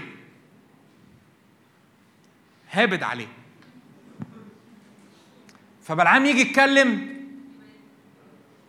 يتلاقي بيقول كلام غريب. من أرام أتى بلاق ملك مؤاب. بص بيقول إيه. من أرام أتى ب... أتى بي بلاق ملك مؤاب. من جبال المشرق. تعالى إلى ده مين هنا اللي بيتكلم؟ بلعام. ده هنا مش بيقول لك يعني بلعام مش بيغني أغنية. بلعام نزل عليه روح الرب وابتدى بلعام ينطق اللي روح الرب عايزه يقوله. تعالى إلعن لي يعقوب. هلم إشتم إسرائيل. يقول كده. كيف ألعن من لم يلعنه الله؟ وكيف أشتم من لم يشتمه الرب؟ إني من رأس الصخور أراه أنا من فوق قمة الجبل أنا شايفه من الأكام أبصره. وده شعب يسكن وحده ده شعب مخصص ده شعب ما استقبل بقى كلمات البركة. ده شعب مفيش زيه. ده مين دول؟ إحنا ريسيف استقبل. ده كلمة الرب ليك. شعب يسكن إيه؟ وحده. وبين الشعوب إيه؟ لا يحسب. أنا بتاع ده ب- إيه، فلان وفلان وفلان دول ما بيتعوزوش الناس دول ولاد ربنا. يجي إبليس كده يعدي على السكشن بتاعك في الكلية ولا على الشغل بتاعك في الكلية ولا يعدي بمرض مش عارف إيه ولا يعدي بهجمة حزن مش عارف إيه ويقول لك آه فلان وفلان آه بس ده ده ما بيتعدش مع الناس. بين الشعوب إيه؟ لا يحسب. من أحصى تراب يعقوب وربع إسرائيل بعدد؟ ده مش عارفين نعده. من كتر من كتر البركة ده هو جايبني عشان ألعنه عشان يموتوا. إحنا مش عارفين نعده من كتر ما هم كتير. لتمت نفسي موت الأبرار ولتكن آخرتي. يا ريتني أبقى زيهم. هللويا. ده ده واحد ساحر جاي يلعن شعب الرب. يروح روح الرب عامل إيه؟ هيبد عليه. فيعمل إيه؟ دي قوة البركة. طبعا يجي هنا السؤال لأي حد مش يعني لسه الحق بعد كل الكلام اللي أنا عمال أقوله ده يقول لي يعني إيه؟ طب هو السؤال لو هي لو اللعنة والبركة ما لهمش قوة ما كان ربنا يسيبه يقول اللي يقوله؟ ليه ربنا ما سابوش يقول اللي يقوله؟ عشان اللعنة والبركة ليهم قوة. كلماتك ليهم قوة. الإعلان اللي أنت بتعلنه على حياتك ليه قوة. كلمات البركة والسلام والفرح والشفاء والحياة وتجديد القوة اللي انت بتاخدهم من الآيات من الكتاب المقدس وبتنطقهم على أرضك ليهم قوة. عشان كده كنا بنسبح عشان كده بنعبد. من مثلك؟ شعب منصور بالرب. دي كلمات موسى مع شعب إسرائيل في آخر أيامه قبل ما ينتقل. من مثلك يا شرون شعب منصور بالرب. يركب السماء في معونتك والغمام في عظمته. إيه ده, ده, ده موسى يبارك الأسباط. ده ليه إيه؟ قوة. إسحاق يبارك يعقوب. يعقوب في آخر ال... يبارك ال 12 ولد ويبارك ويبارك يعقوب يعني في قصة البركة لما يوسف يقدم منسى وإفرايم مين الكبير؟ حد فاكر؟ منسى مين الصغير؟ ولاد يوسف. هيروح يعقوب يقول لك كده ووضع يديه بفطنة. يعني فطنة؟ هو فاهم هو بيعمل إيه. راح عكس إيده. عكس يعني هو جايب له منسى على يمينه. يعني يعقوب قاعد أهو هو يوسف جايب له منسى على يمينه وجايب له إفرايم على إيه؟ على شماله لأنه منسى هو البكر فالمفروض اللي ياخد البركة المضاعفة هو منسى. يعقوب لأنه اتعلم الدرس من الرب من حياته هو الشخصية إن البركة مش لازم تكون رايحة للبكري. هي رايحة للشخص اللي الرب يختار أن يباركه. فراح وضع يديه بفطنة. فيوسف قال له ليس هكذا يا أبي. مش كده؟ منسى هو الكبير. و... فيعقوب قال له أنت اركن أنت بس. وراح بارك مين؟ ادى البركه لمين لأن يعقوب فاهم يعني إيه بركه كل مره بتقعد قدام الرب كل مره بتحشر في حتة معينه كل مره بتحس انه أنا متفشل أنا تعبان اللي هيسرع العالم هيسرع عليا لا لا لا لا لا لا لا لا لا لا لا لا أنا مميز ولا اخجل اني أقول ان أنا مميز ولا اخجل اني أقول اني أولاد الرب مميزين مميزين في إيه في كل حاجة في كل حاجة على قد ما بتتقي الرب على قد ما بتتبعه على قد ما بتحفظ وصاياه على قد ما بتكرمه في حياتك رب يكرمك. وهاجي أنا عايز أتكلم عن حاجتين عايز أتكلم عن البركة والإكرام. هاجي عن الاكرام كمان شوية. لا لا أولاد الرب مميزين. ليه؟ ربنا ما عندوش خير أيوه ما عندوش خير وفقوس بس في ناس دخلوا في المسيح. فلما دخلوا المسيح يقول كده في غلطيا افتح لنا يا ابني غلطيا 3 13 أنت كل شوية بتغير الابلكيشن بتفرجنا على الإمكانيات اللي عندك. غلطيا 3 13 المسيح افتدانا من لعنة الناموس. إيه هي لعنة الناموس؟ إنه ان إن, إن لما تخطئ موتا تموت. لما تخطئ هتبقى ملعون. يعني إيه ملعون؟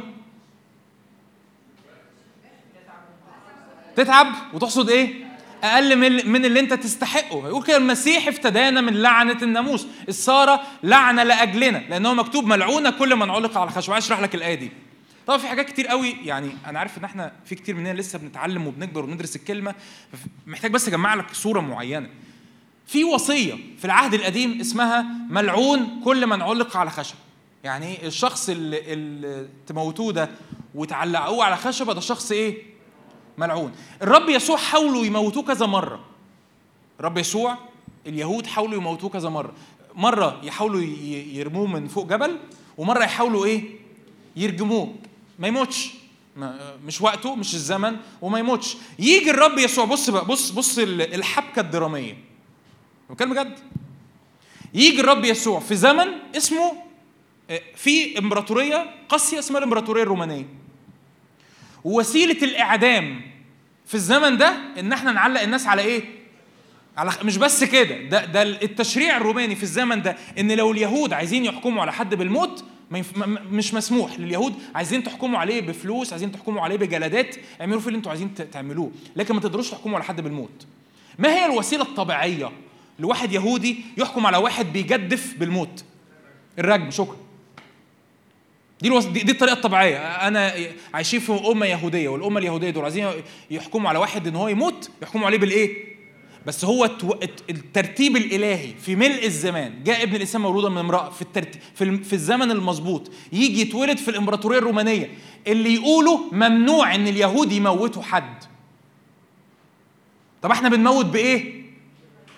بنعلق على خشبة. فالمسيح يختار إنه يموت ها؟ متعلق ليه؟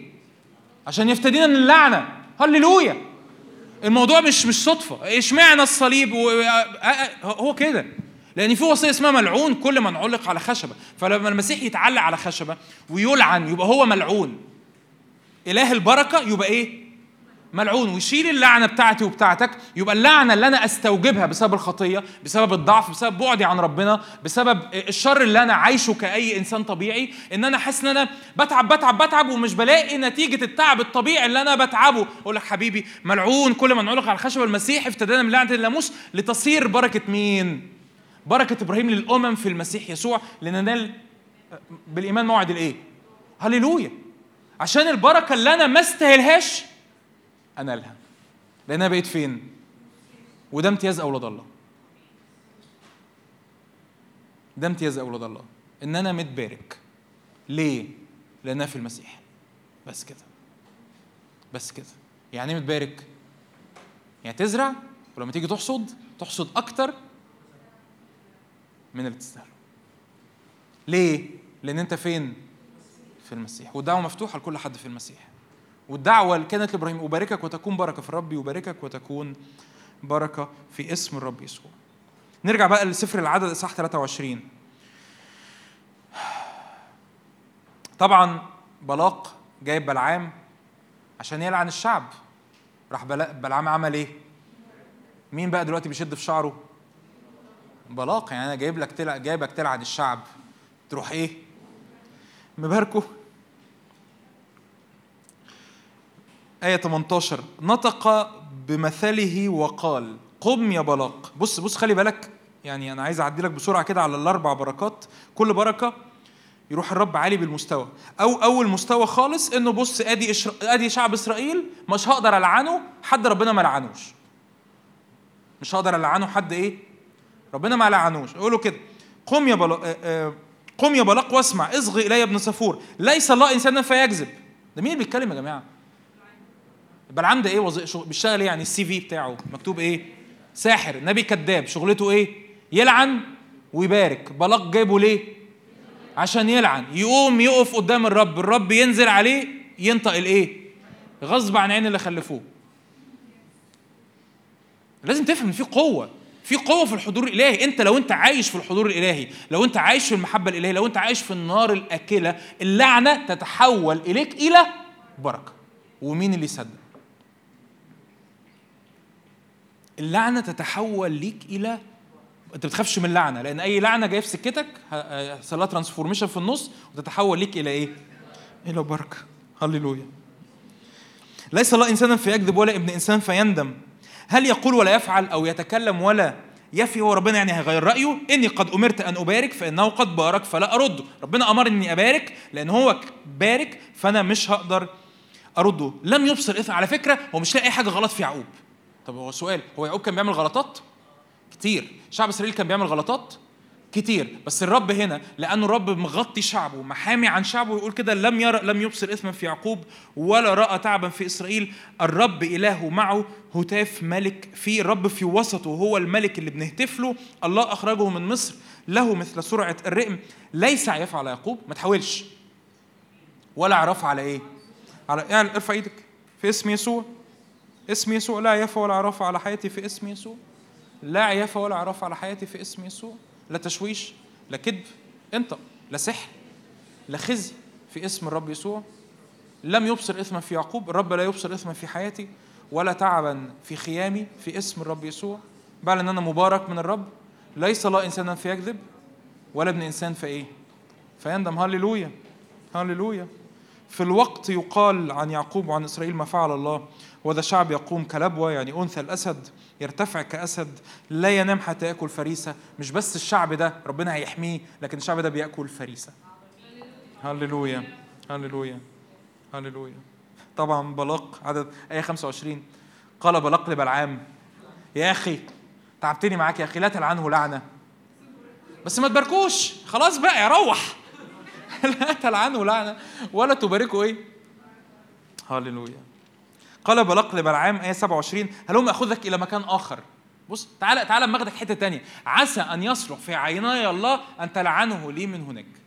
تعالى بص أما أوريك تعالى أما أوريك ضعفات جون. تعالى أما أوريك جون لما بيتعصب تعالى أما أوريك جون لما بيتعب تعالى أما أوريك جون لما آه، آه، بيقع في خطية تعالى أما أوريك جون لما بي آه، بيتزنق في ضيقات مادية تعالى أما أوريك جون لما يمكن يمكن ربنا يحب يلعنه في اللحظة دي. مش عايز أقرأ لك مش عايز أطول عليك تاني. بس المرة الثالثه إيه اللي يحصل تفتكروا بلعام يبارك الشعب. وبعد ما بلق خلاص بقى جاب آخره قال له يا عم روح. راح بلام لوحده بلعام لوحده اتطوع وبارك الشعب رابع مرة. هللويا. هللويا. ارفع إيدك كده اعلن يا رب بستقبل بركتك على حياتي في اسم يسوع. بركة المسيح على حياتي. نعم أنا مبارك وأكون بركة في اسم يسوع. بعلن بركتك على بيتي. على مادياتي على خروجي على دخولي على علاقاتي على شغلي في اسم رب يسوع. هللويا. يا رب بارك شعبك في اسم يسوع. هللويا. هللويا. صمويل الأول إصحاح اتنين. حدود الأمر مش بس عند البركة لكن في مستوى تاني هقوله بسرعة ونختم يعني نصلي مع بعض ون- ونسبح. عايزين نفرح بالرب كمان وكمان.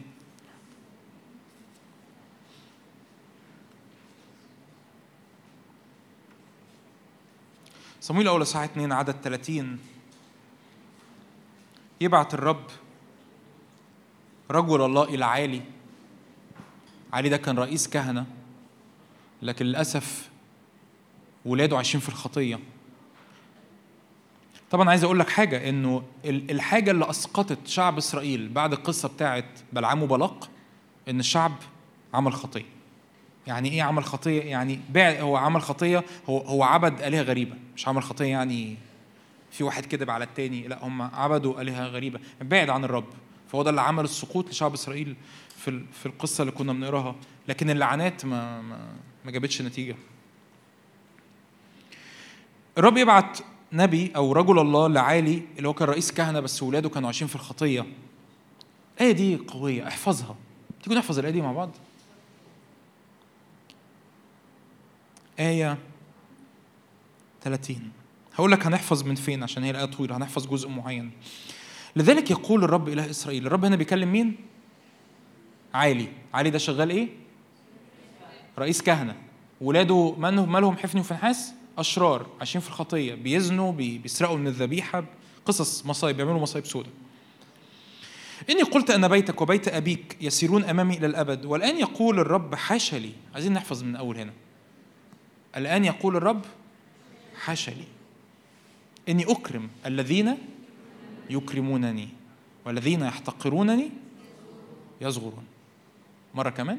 حاشا لي. إني أكرم الذين يكرمونني والذين يحتقرونني. مرة كمان. حاشا لي إني أكرم الذين يكرمونني والذين يحتقرونني. يزورون. إيه دي جميلة؟ فيها تركيبة جميلة قوي أولا قال أنا بكرم اللي بيكرموني. طب واللي بيحتقروني؟ أنا مش بصغرهم. هم بيصغروا. بس مش عايز أركز على البعد السلبي عايز أركز على البعد الإيجابي. إن في مستوى تاني أعلى من البركة. كلمة أكرم هنا في الآية دي لأن أنا أفتح لك آية تانية فيها إكرام. كلمة أكرم في الآية دي هي جاية من كلمة كبود معناها أمجد. إني أمجد الذين يمجدونني. الرب عايز ولاده منورين لمعين باينين. مش لأجل مجد ذواتهم لكن لأجل ولاد ربنا لما بيبقوا منورين بيجتذب لنفسه نفوس في العالم. اللي اللي بيكرموا الرب ربنا بيكرمهم. اللي بيمجدوا الرب ربنا بيمجدهم. تقول له كده النهارده قبل ما تروح تقول له يا رب أنا عايز أتعلم إني أعيش بكرمك. لأن الرب قال إيه؟ حاشا. يعني إيه حاشا ليه؟ يعني أوعى تفتكر عكس كده يا عيلي. مش أنا. أنا ما بعملش كده. حاشا ليه؟ اللي بيكرمني بكرمه. واللي بيحتقرني أنا مش بصغره مش محتاج أصغره مش محتاج اعمل له حاجة. اللي بيحتقرني بيصغر. قول له رب أنا عايز أختبر المستوى ده في اسم يسوع. إكرام الرب لحياتي. ده اللي ده اللي مالي قلبي. الرب عايز بركة يطلق بركة وإكرام. عايز أختبر إكرام الرب لحياتي. ألاقي إنه في أمور الطبيعي بتاعها إن هي حتى على مستوى البركة كويسة. ألاقي إيه يا رب ده اللي حصل في حياتي ده مش بركة ده ده super size combo يعني. ده واحدة وعليها واحدة مجانا. مش دي مش ده مش بركة ده ده اسمه إيه؟ إكرام. رب قال كده أكرم الذين إيه؟ يكرمونني والذين يحتقرونني. المستوى ده موجود عايزك تصدق فيه. المستوى ده موجود. الرب يكرم ولاده. الرب يكرم ولاده. الرب يقيم ولاده. دانيال القصة الشهيرة آه، معروض عليه ياكل من قطايب الملك ويقف قدام ملك بابل فيقف قدام خص رئيس الخصيان يقول له إيه؟ يقول له هناكل قطاني، يعني إيه هناكل قطاني؟ نوع من أنواع البقول، هناكل بقول، طب وباقي الناس دول هياكلوا إيه؟ باقي كل الناس هياكلوا هياكلوا بقى اللحمة والفراخ وال وال والمحمر والمشمر بتوع ملك بابل. يقول لك كده اعطي عبيدك عشرة أيام وإيه؟ وليجربونا 10 أيام يعني هو مين بيتخن ويخس في 10 أيام؟ يعني مين مين هيبان عليه؟ مين هيبان عليه إنه أشطر أو أجمل أو أحلى أو جسمه بقى أقوى في 10 أيام؟ أهو الكتاب بقى يقول لك إن دانيال والفتية الثلاثه يبان عليهم إن هم أجمل وأحسن وأقوى في 10 أيام. لأني أكرم الذين يكرمونني والذين يحتقرونني يزورون يبان عليا إني مختلف. أي وده الطبيعي. ليه؟ لاني في المسيح. لأن الرب يكرم اللي بيكرموه. آمين؟ آية كمان أختم بيها أستير ستة. آية مشهورة برضو عن الإكرام.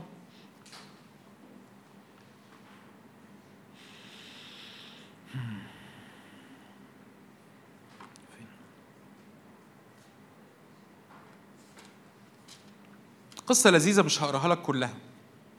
أو يعني هقرا لك آية بس أنا مش هقراها.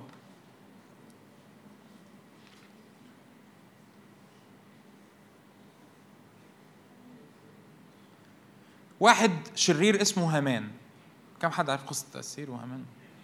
طب خلاص مش هحكيها بس ال ال ال ده فيه plot twist عارفين ال plot يعني إيه plot twist؟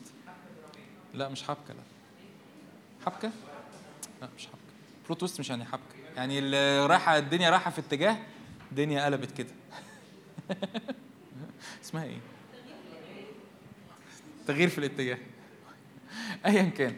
هو هامان بقى شايف نفسه خلاص أنا أنا بقيت صاحب الملك و... وأستير عمالة تعزمه على ال... الولايم اللي بتعملها ومش عارف إيه. فدخل في يوم من الأيام هامان قدام الملك أحشاويرش. فلقى أحشاويرش هتف... يعني هفكركم. الليلة اللي قبلها احشاويرش النوم طار من عينه. فقال طب ما اقوم آه، أفتح الفيسبوك. بتاع زمان آه. ففتح الفيسبوك لقى ميموري طلعت له. إن في اليوم ده في التاريخ ده كان في واحد اسمه إيه؟ مردخاي. مردخاي ده عمل إيه؟ كان في انقلاب على الملك احشاويرش ومردخاي ده عمل إيه؟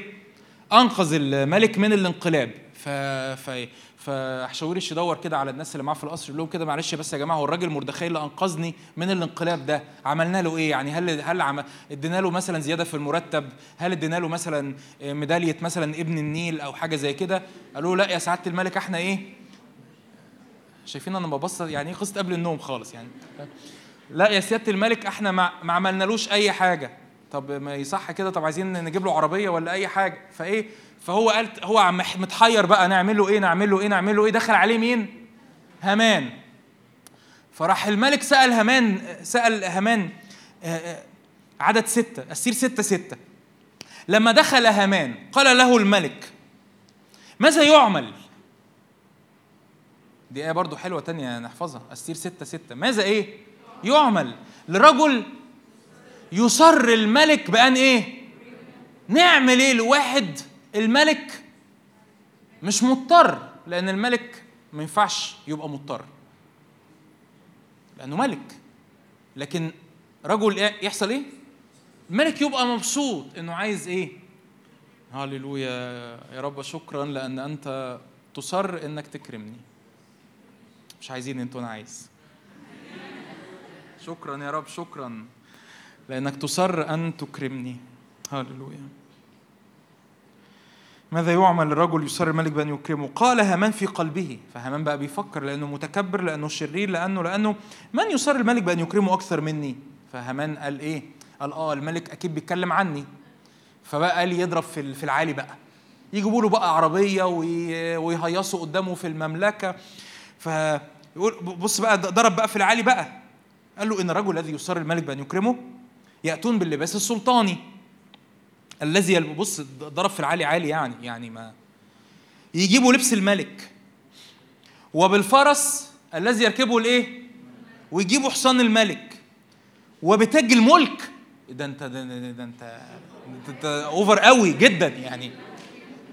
جدا يعني over جدا. وبتاج الملك الذي يوضع على رأسه ويدفع اللباس والفرس لرجل. بص خلي بالك مش مش مش مش هنبعت له الهدوم البيت. وهو يلبسها. لا ده إحنا نجيب له واحد من الوزراء يلبسه. حاجة. اوفر خالص فعلا الموضوع ده.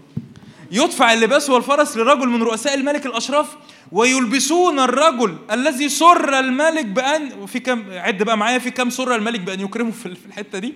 سر الملك بأن يكرمه ويركبونه على الفرس في ساحة المدينة وينادون قدامه. هكذا يصنع للرجل الذي يسر الملك بأن إيه؟ فقال الملك لهامان. جون! اسرع وخذ اللباس والفرس كما تكلمت وافعل هكذا لمردخاي اليهودي الجالس في باب الملك. لا يسقط شيء من جميع ما قلته فأخذ هامان اللباس والفرس قلب مين اللي بيلبس دلوقتي؟ هامان طبعا كان عدو مردخاي مين اللي بيلبس مردخاي دلوقتي؟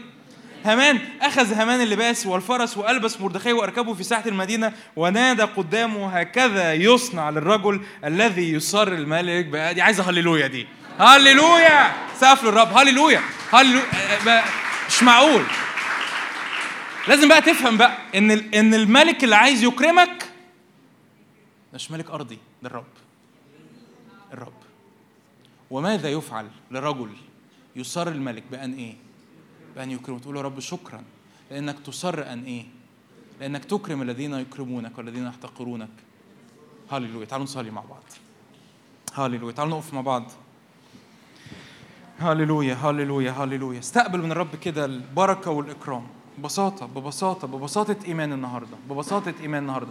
ال- النهاردة أنت مش محتاج تعافر مش محتاج ت...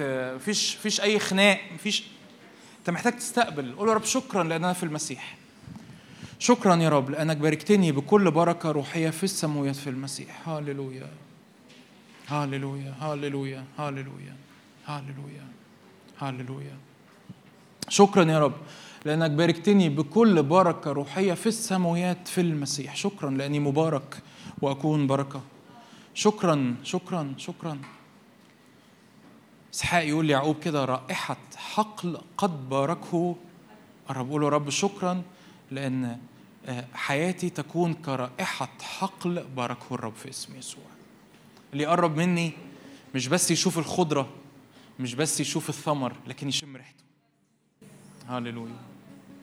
هللويا. شكرا يا رب شكرا شكرا لأن أبنائك أنا بتنبأ على حياتكم هذه الكلمات. حقيقي كل كل آية أنا بقراها النهارده أنا بتنبأ عليكم. يا رب بتنبأ على أولادك يا رب اللي واقفين قدامك وأي حد يا رب من هذا الاجتماع بيتابعنا. يا رب رائحة حقل باركه الرب في اسم الرب يسوع.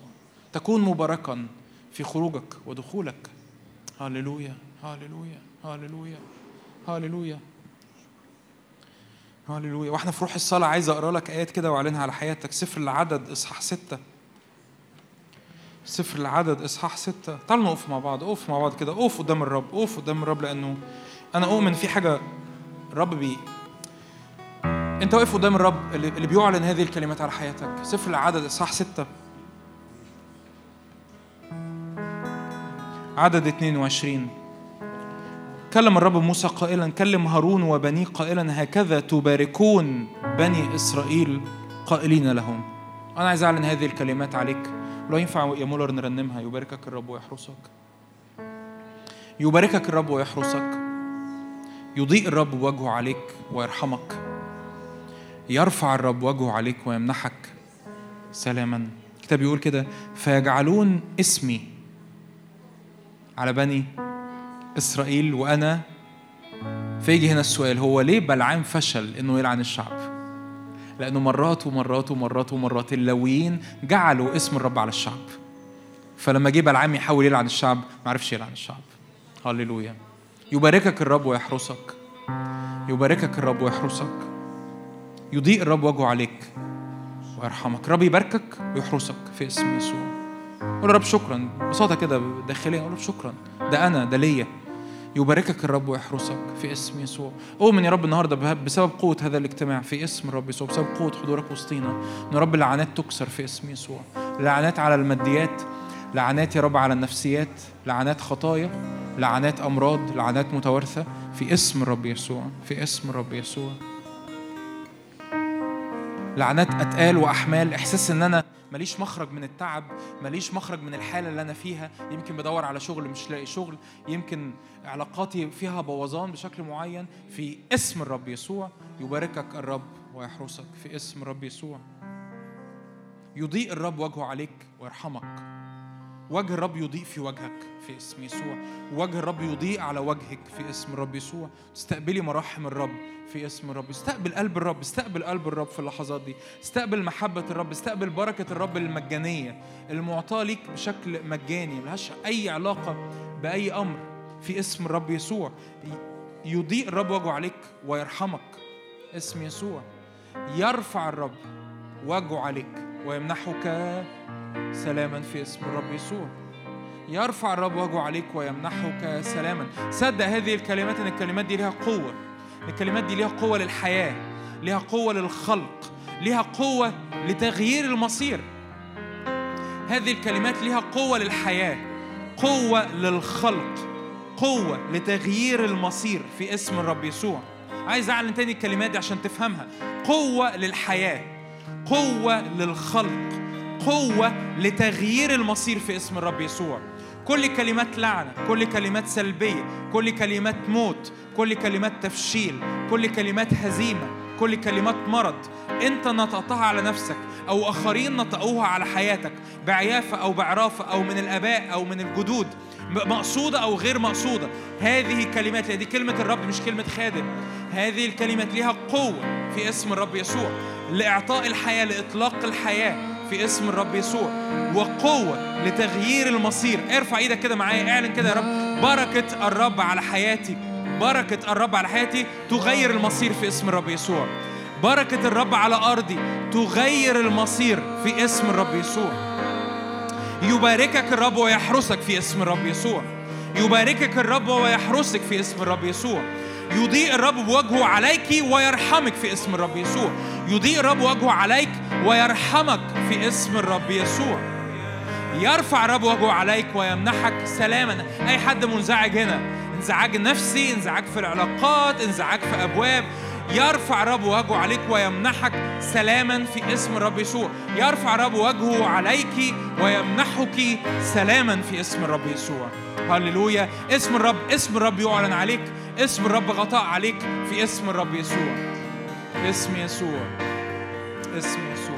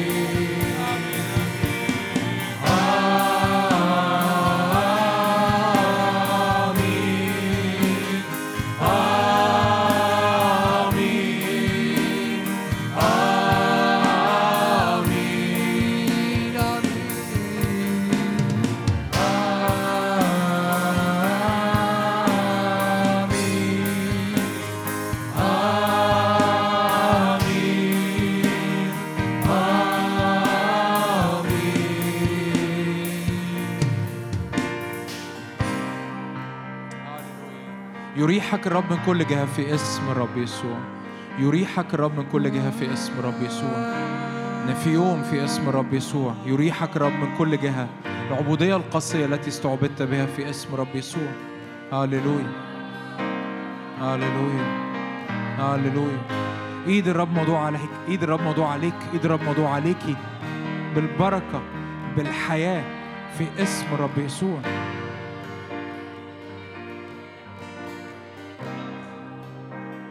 صلي معي هذه الكلمات لو شاعر إنه في أي أمور مش مش مظبطة في حياتك. اعلن كده معايا في اسم الرب يسوع المسيح افتداني من لعنة الناموس لأنه مكتوب ملعون كل من علق على خشبة لكي تصير بركة إبراهيم لحياتي في اسم يسوع. اعلن كده اعلن. أي لعنة في الماديات أي لعنة في العلاقات أي لعنة في النفس أي لعنة بأمراض أي لعنة بزراعة بلا حصاد في اسم الرب يسوع اعلن المسيح افتداني في اسم يسوع. المسيح افتداني من لعنة الناموس في اسم الرب يسوع. المسيح افتداني من لعنة الناموس في اسم الرب يسوع. لأنه مكتوب ملعون كل من علق على خشبة في اسم الرب يسوع لكي تصير بركة إبراهيم ليا في اسم الرب يسوع. اكون إيه أنت بقى كلمات البركه على حياتك في اسم يسوع أكون مباركا في شغلي. أكون مباركا في مادياتي. أكون مباركا في علاقاتي. أكون مباركا في في في تعبي. أكون مباركا في خدمتي. أكون مباركا في مجهودي. خلوتي مباركة. خروجي مباركا.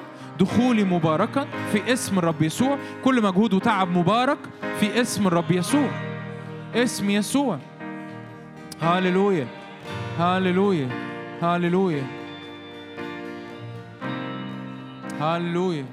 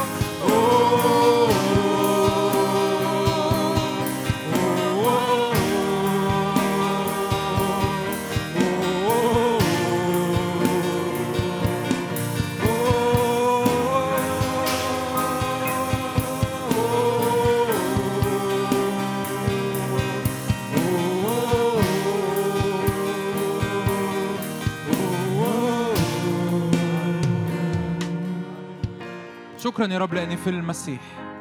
شكرا يا رب لأني في المسيح. شكرا لأني في المسيح. هللويا لأني في المسيح مبارك لأني في المسيح مليان حياة لأني في المسيح مليان بركة في المسيح مليان قوة في المسيح مميز. اعلن كده لعن الرب قال كده لأني حاشا لي أكرم الذين يكرمونني في اسم الرب يسوع. يا رب استقبل كل إكرام جاي على حياتي في اسم يسوع. كل إكرام جاي في طريقي الوقت اللي جاي في اسم الرب يسوع لأنه هكذا يفعل الرجل يصار الملك بأن يكرمه في اسم الرب يسوع. نعم يا رب شكرا لأنك مسرور أن تكرمني في اسم الرب يسوع. هللويا.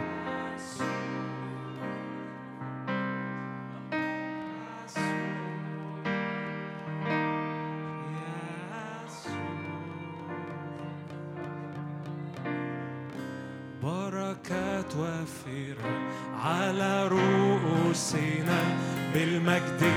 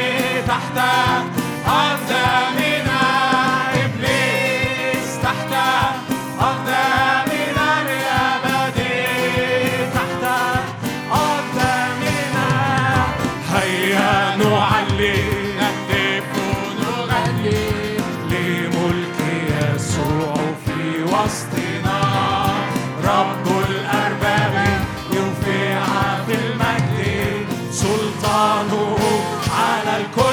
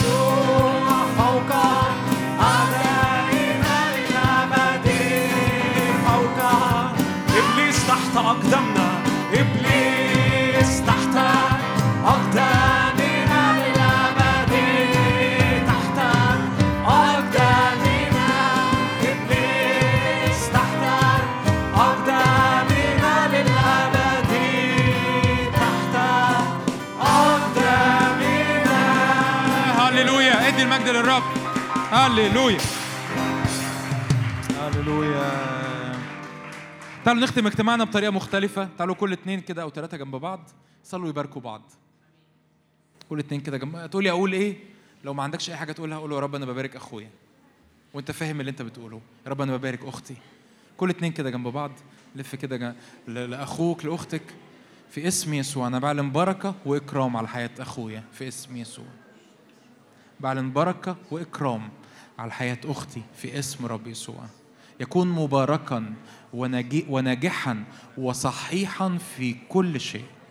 هللويا هللويا تعالوا ما بلاش حد يبقى قاعد لوحده. اطلق بركة واستقبل بركة. اطلق بركة واستقبل بركة.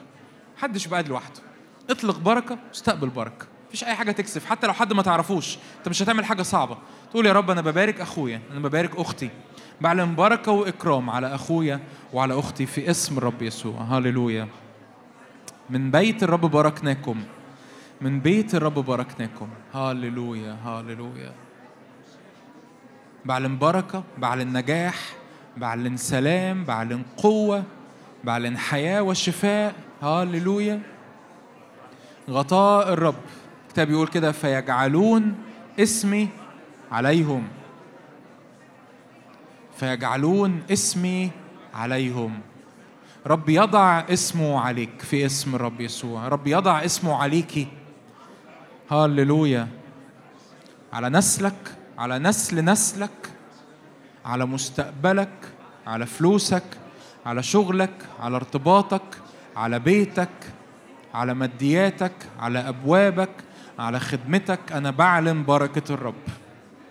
اسم يسوع. اسم يسوع. يكون مباركا. يكون كرائحة حقل باركه الرب. تكونين كرائحة حقل باركه الرب. هاللويا. هاللويا هاللويا هاللويا. ما أحلى مساكنك يا رب جنود. هاللويا. هاللويا. هاللويا هاللويا هاللويا. هاللويا. هو ذا ما أحلى وما أسكن ما أجمل أن يسكن الإخوة معا لأنه هناك أمر الرب بالإيه؟ بالبركة. لأن هناك أمر الرب بالبركة حياة إلى الأبد. هاللويا. شكرا يا رب. تعالوا نرفع إيدينا كده مع بعض. حابب نختم اجتماعنا ارفع إيدك كده معايا. قول يا رب شكرا لأنك أمرت بالبركة فمن يردك في اسم يسوع. شكرا لأنك أمرت بالبركة على حياتي فمن يردك في اسم الرب يسوع؟ ليس الله إنسانا فيكذب ولا ابن إنسان فيندم في اسم الرب يسوع. أنا مصدق يا رب في قوة البركة. أنا مصدق إنك تريد أن تبارك. أنا مصدق إنك أنت قد باركت فمن يردك في اسم الرب يسوع. هاللويا هاللويا آمين. آمين. ربنا يبارككم.